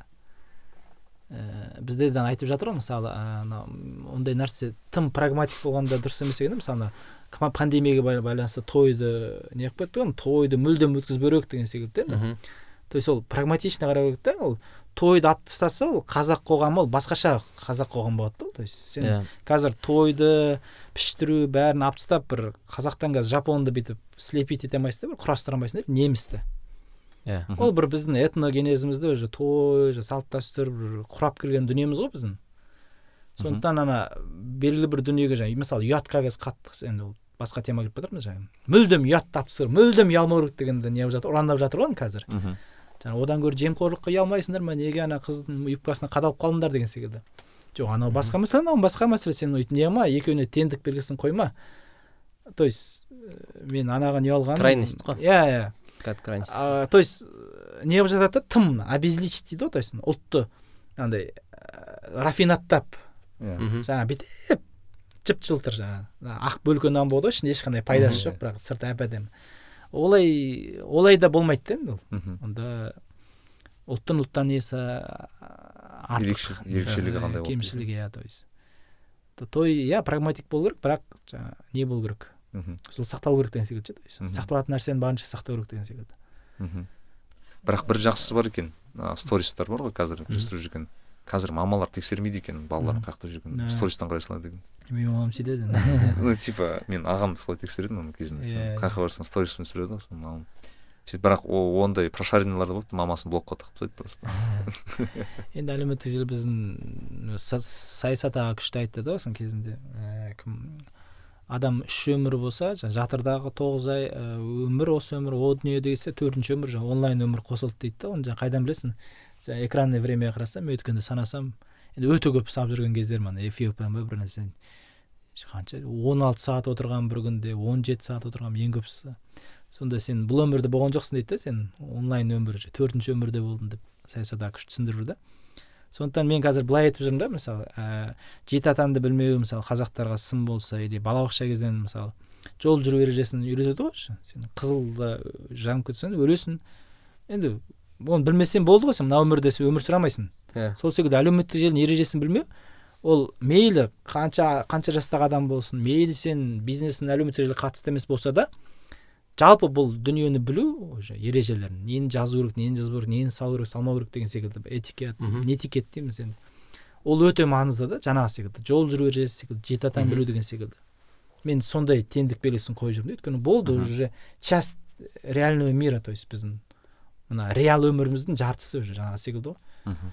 Ауып кетіп отырмыз ана жаққа. Сообщение whatsapp тик ток жаңалық бәрі интернеттен деген секілді. Сондықтан сізде қанша уақыт мысалы желіден тыс өмір сүріп көрдіңіз соңғы мысалы жылдары кейінгі жылдары? Мен мен былай істеймін. Мен интенсив ә, қалай интервалмен жұмыс істеймін. Мысалы мен бір күнде 92 сторис салуым мүмкін бірақ ертеңінде міндетті түрде менде бір ақ сторис болады өйткені мен уже мүмкін емес. Мысалы сіз телефонды өшіріп әлеуметтік желіге кірмей қанша күн шыдай екі аласыз? күн. Рекорд шыдай аламын деген кезде шыдай аламын ғой бірақ мен контрактілерім бар міндеттемелерім бар. Әйтпесе максимально мен екі күнге кете аламын хотя Эф- эфиопияда болған кезде мен алдын ала айттым бүкіл нелерге жарнамашыларыма айбетпендер осы апта осы ай мен вообще подвать етемін бүкіл медиа пландарымды бытшын шығарамын өйткені мен он төрт күн менде не болмайды байланыс. Мен қанша тырыссам да. Он төрт күн ешқандай сторис салған жоқпын. Он төрт күн бірде бір сторис болған жоқ иә ренжіді адамдар. Енді ақшасын беріп қойғандар енді, енді жаңағы годовой контрактілерім бар ғой. Не істейсің енді? Ә, мен солай дейсің да мысалы. Мхм. сондықтан бұл жерде тағы да приоритет мәселесі кейде приоритет саяхат болса ой айналайын ақшам былай тұрсын дейсің да иә. Күшті. Ә, біз күшті отырмыз негізі иә сізді ұстап қалдым. тақырып тақырыптан тақырыптан тақырып болып жатыр енді ә, біраз мәселені қозғаған сияқтымын. Мен әйтеуір өзім ә, қойған сұрақ сол негізгі алаңдатып жүрген алаңдатып жүрген сұрақтарды қойдым. Мен даже соңғы сұрақ сіздерге. Просто ұм- ұмытып тұрмын да соны бағана сұрауды. Краудфандинг. Мхм. не ойлайсыздар? Просто екеуің сіз сізде сізде мен жасадыңыздар иә? кері краундфандинг жасадым. иә вот вот. Сізде керісінше болды дәке сізде бір күні прям жинадыңыздар. бір айлық бір иә, жинадыңыздар. екі күнде бір екі ай екі ай болды краудфандинг. Жалпы қалай не ойыңыз қандай? Ыыы ойым жақсы. Ә, мысалы бұл енді қазаққа ондай бір әлі енді бір келе жатқан түсінік қой. Бірақ та менің өзім байқағаным екі айда мысалы алты жүз отыз тоғыз мың ба алты жүз қырық тоғыз мың теңге жиналды. Аха. Ол бірақ ә, мысалы менің ол кездегі бір он сегіз мың он тоғыз мың аудиториямның сторизді бір үш мың адам үш жарым мың адам тұрақты көреді. Краудфандинг туралы ойдың бәрі сторизде айтылды. Иә. Сонда ә, соның 500 екі айда да 500-500 адам ғана үлес қосты. Ол жерде 100 теңгеден бастап ә, жиырма мың теңге дейін тастап жатты әркім өзінің қалтасы көтерген ақшасын. Бірақ та маған басында сол адамдардың ә, қанша жіберетіні емес саны маңызды болды да. Сонда екі, екі айда да 450 мен 500-дің арасында ғана адам былай былайша айтқанда краудфандингке үлес қосты. түсінген дейсің. Иә сонда м, сонда сондай болды. Енді ә, нәтиже жаман дей алмаймын. Бірақ та ол ә, егер краудфандинг негізі бұл жерде донейт донейт қой негізі. Иә donation иә donation бірақ ә, менің форматым мынандай болды да. Мысалы мен әлеуметтік желіде белсендірек болайын. Ә, сол үшін маған қолдаңыздар. Әйтпесе мен ә, ақшаны сол ақшаны басқа жақтан іздеп кетемін. Иә. Қосымша иә, жұмыс қосымша аламын, таксовать етіп кетемін ба деген сияқты ғой. Бірақ сіздер маған ә, солай ә, ниеттеріңізді білдіріңіздер мен мына жақта белсенді боламын деген сияқты. Сөйтіп белсенді болып жауапкершілік мынандай бір аралас сезім болады екен. Ә, бір жағынан қарыз алған сияқты бір сезім болады біреуден. Екінші жағынан ә, сен ә, бір ә, бір жұмыс істеп жатқан сияқты боласың да бір халыққа жұмыс істеп жатқан сияқты боласың да еңбекақы үшін жұмыс істеп жатқан сияқты боласың. Сондай екі аралас сезім болды. Ә, соны көрдік енді тәжірибе. Бірақ та бұл краудфандинг негізі ә, асылында ол бір белгілі бір жоба аясында жасалу керек. Мысалы мен кітап шығарайын деп жатырмын. Иә иә. Немесе подкаст Фильм, подкасттың өзі мысалы донейт қой ол. Иә. Белсенділігің үшін саған рахмет деген сияқты. А бірақ краудфандингтің өзінде ақша көп жиналу үшін ол нақты бір жоба болу керек. Сызылған мысалы. Мынандай мынандай саяхат мысалы өркен аға айтып беретін шығар қазір саяхат ол мысалы нақты жоба ол. Енді жобаға ә, салынса бірақ сіздікі тәжірибеңіз ерекше болды да кері краудфандинг. Иә мен керісінше істедім ақтады ма маған қызық а ақтап плюс бес жүз мың теңге түсті. Өйткені мен бір миллион ә, бір миллион бес жүз елу мың теңге ма түсті.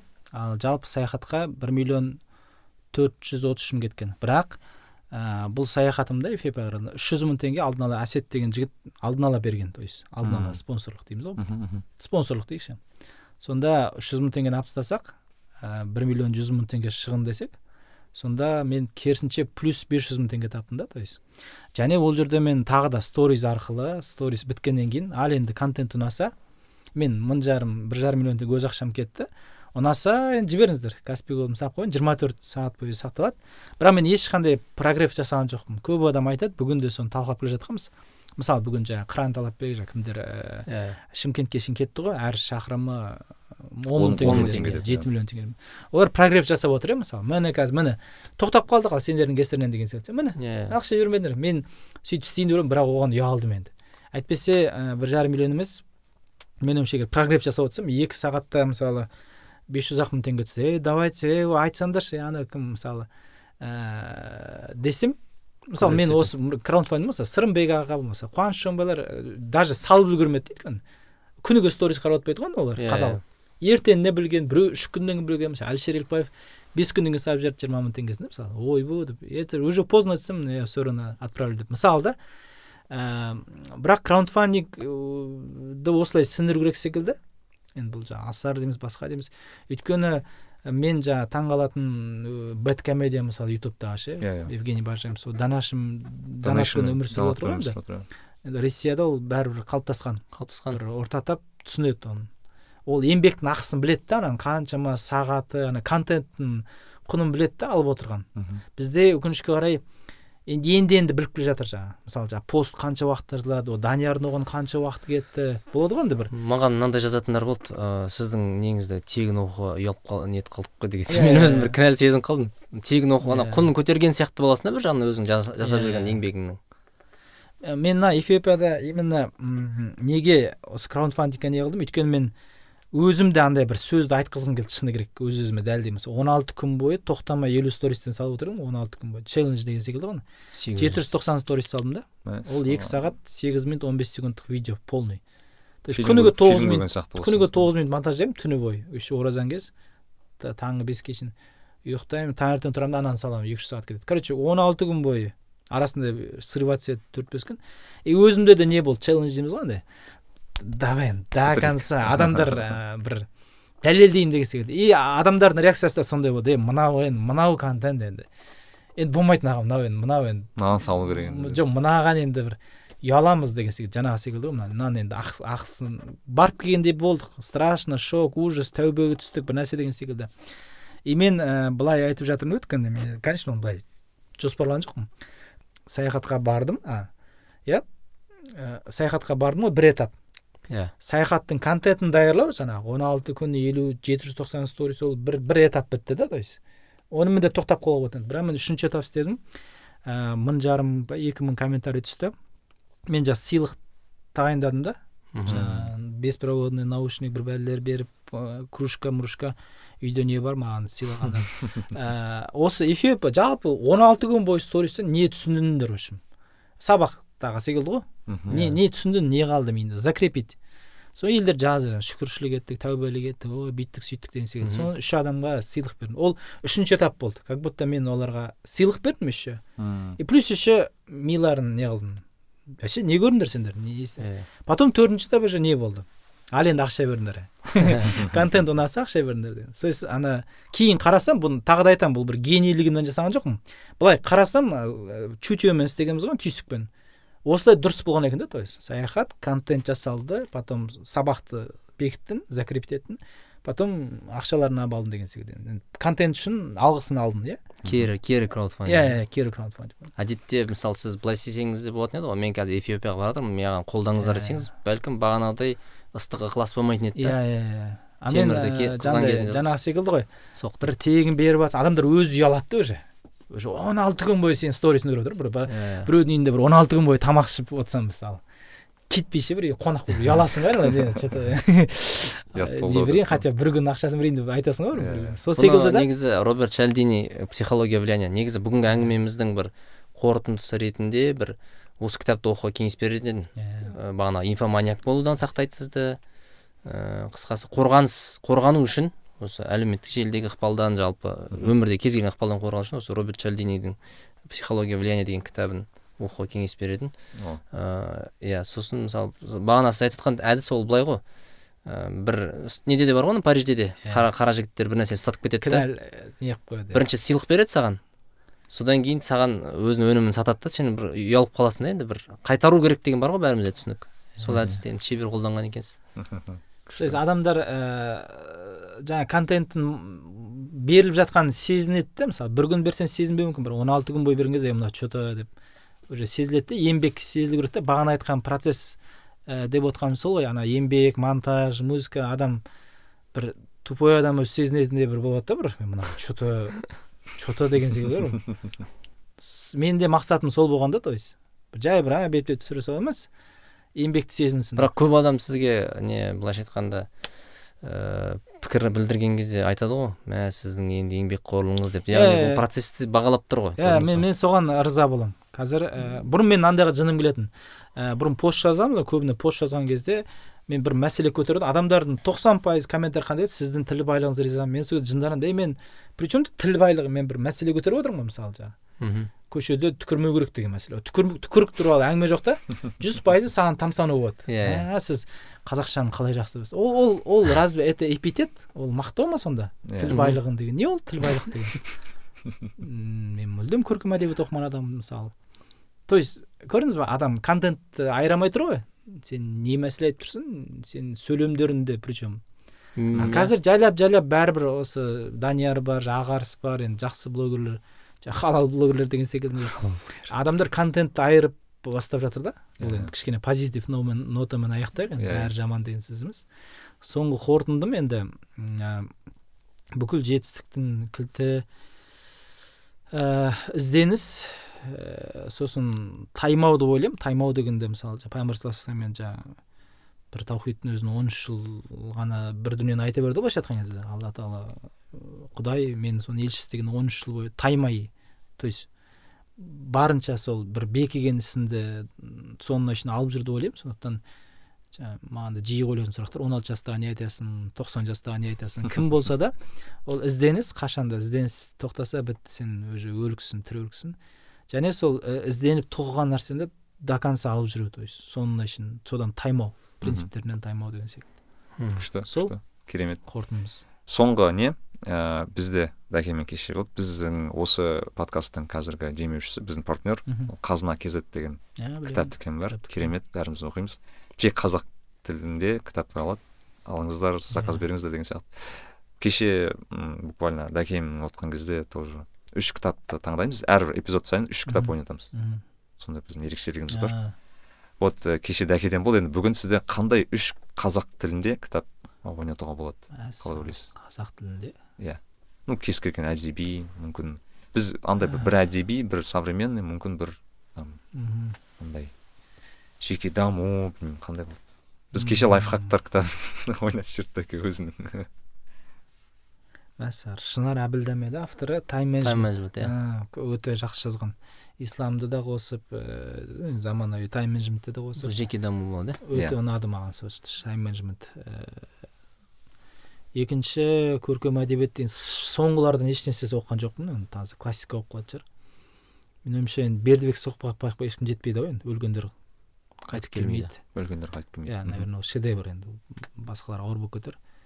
Или жеңіл болып кетер. Давайте бір рухани үшін бір қандай бір. Рухани рухани рухани мәссар. М, марфуға шапиян ә, тұлғалар Өміріндегі ислам. өміріндегі ислам. екі кітабы бар. Өте керемет. Біз білетін тұлғалардың сол жаңағы исламдағы ислами жағын керемет ашқан керемет ашқан. Машалла. Ризамын. Иә осы үш кітап егер енді мен қазір тексеремін егер осы үш кітап қазынада болса осы үш кітапты ойнатамыз. Иә шарттарын кейін инстаграм парақшамыздан білетін боласыздар вот. Жақсы. Өрген аға керемет отыр, отырдық біз. Енді сізді ұстау қиын. Сондықтан ә, өркен ағаға ерекше рахмет. Дәкеге де ә, мың алғыс. Осылай бізді қолдап келгендеріңізге. Жақсы отырыс болды деймін. Саған рахмет. Иә. осыны бастап а, қазақша подкасттың пионері болып жүрсің шыны керек подкаст деген мен өзім шын айтайын аудиофил емеспін. Ә, не тыңдаймын аса қатты тыңдамаймын. Бірақ сенің арқасында подкастқа деген көзқарасым өзгерді мысалы. Бұл бір қалай айтсақ мән беріп қарайтын дүние деген сол үшін саған да данияр екеуміздің атынан. Иә. Көп рахмет. Нареке Көп рахмет. бұл біраз адамға бір инстаграм иллюзиясынан шығуға бір септігін тигізеді деп ойлаймын. Көзқарастарын өзгертсе біз қуаныштымыз. Иә күшті. Иә бізбен бөлісіңіздер. Білмеймін ин- инстаграмда біз айтқан инстаграмда бөлісіп отырыңыздар стористарда деп па? Оқимыз бәрін. Жақсы жақсы. сау болыңыздар. Нарик билай кәсіби және рухани даму жайлы подкаст.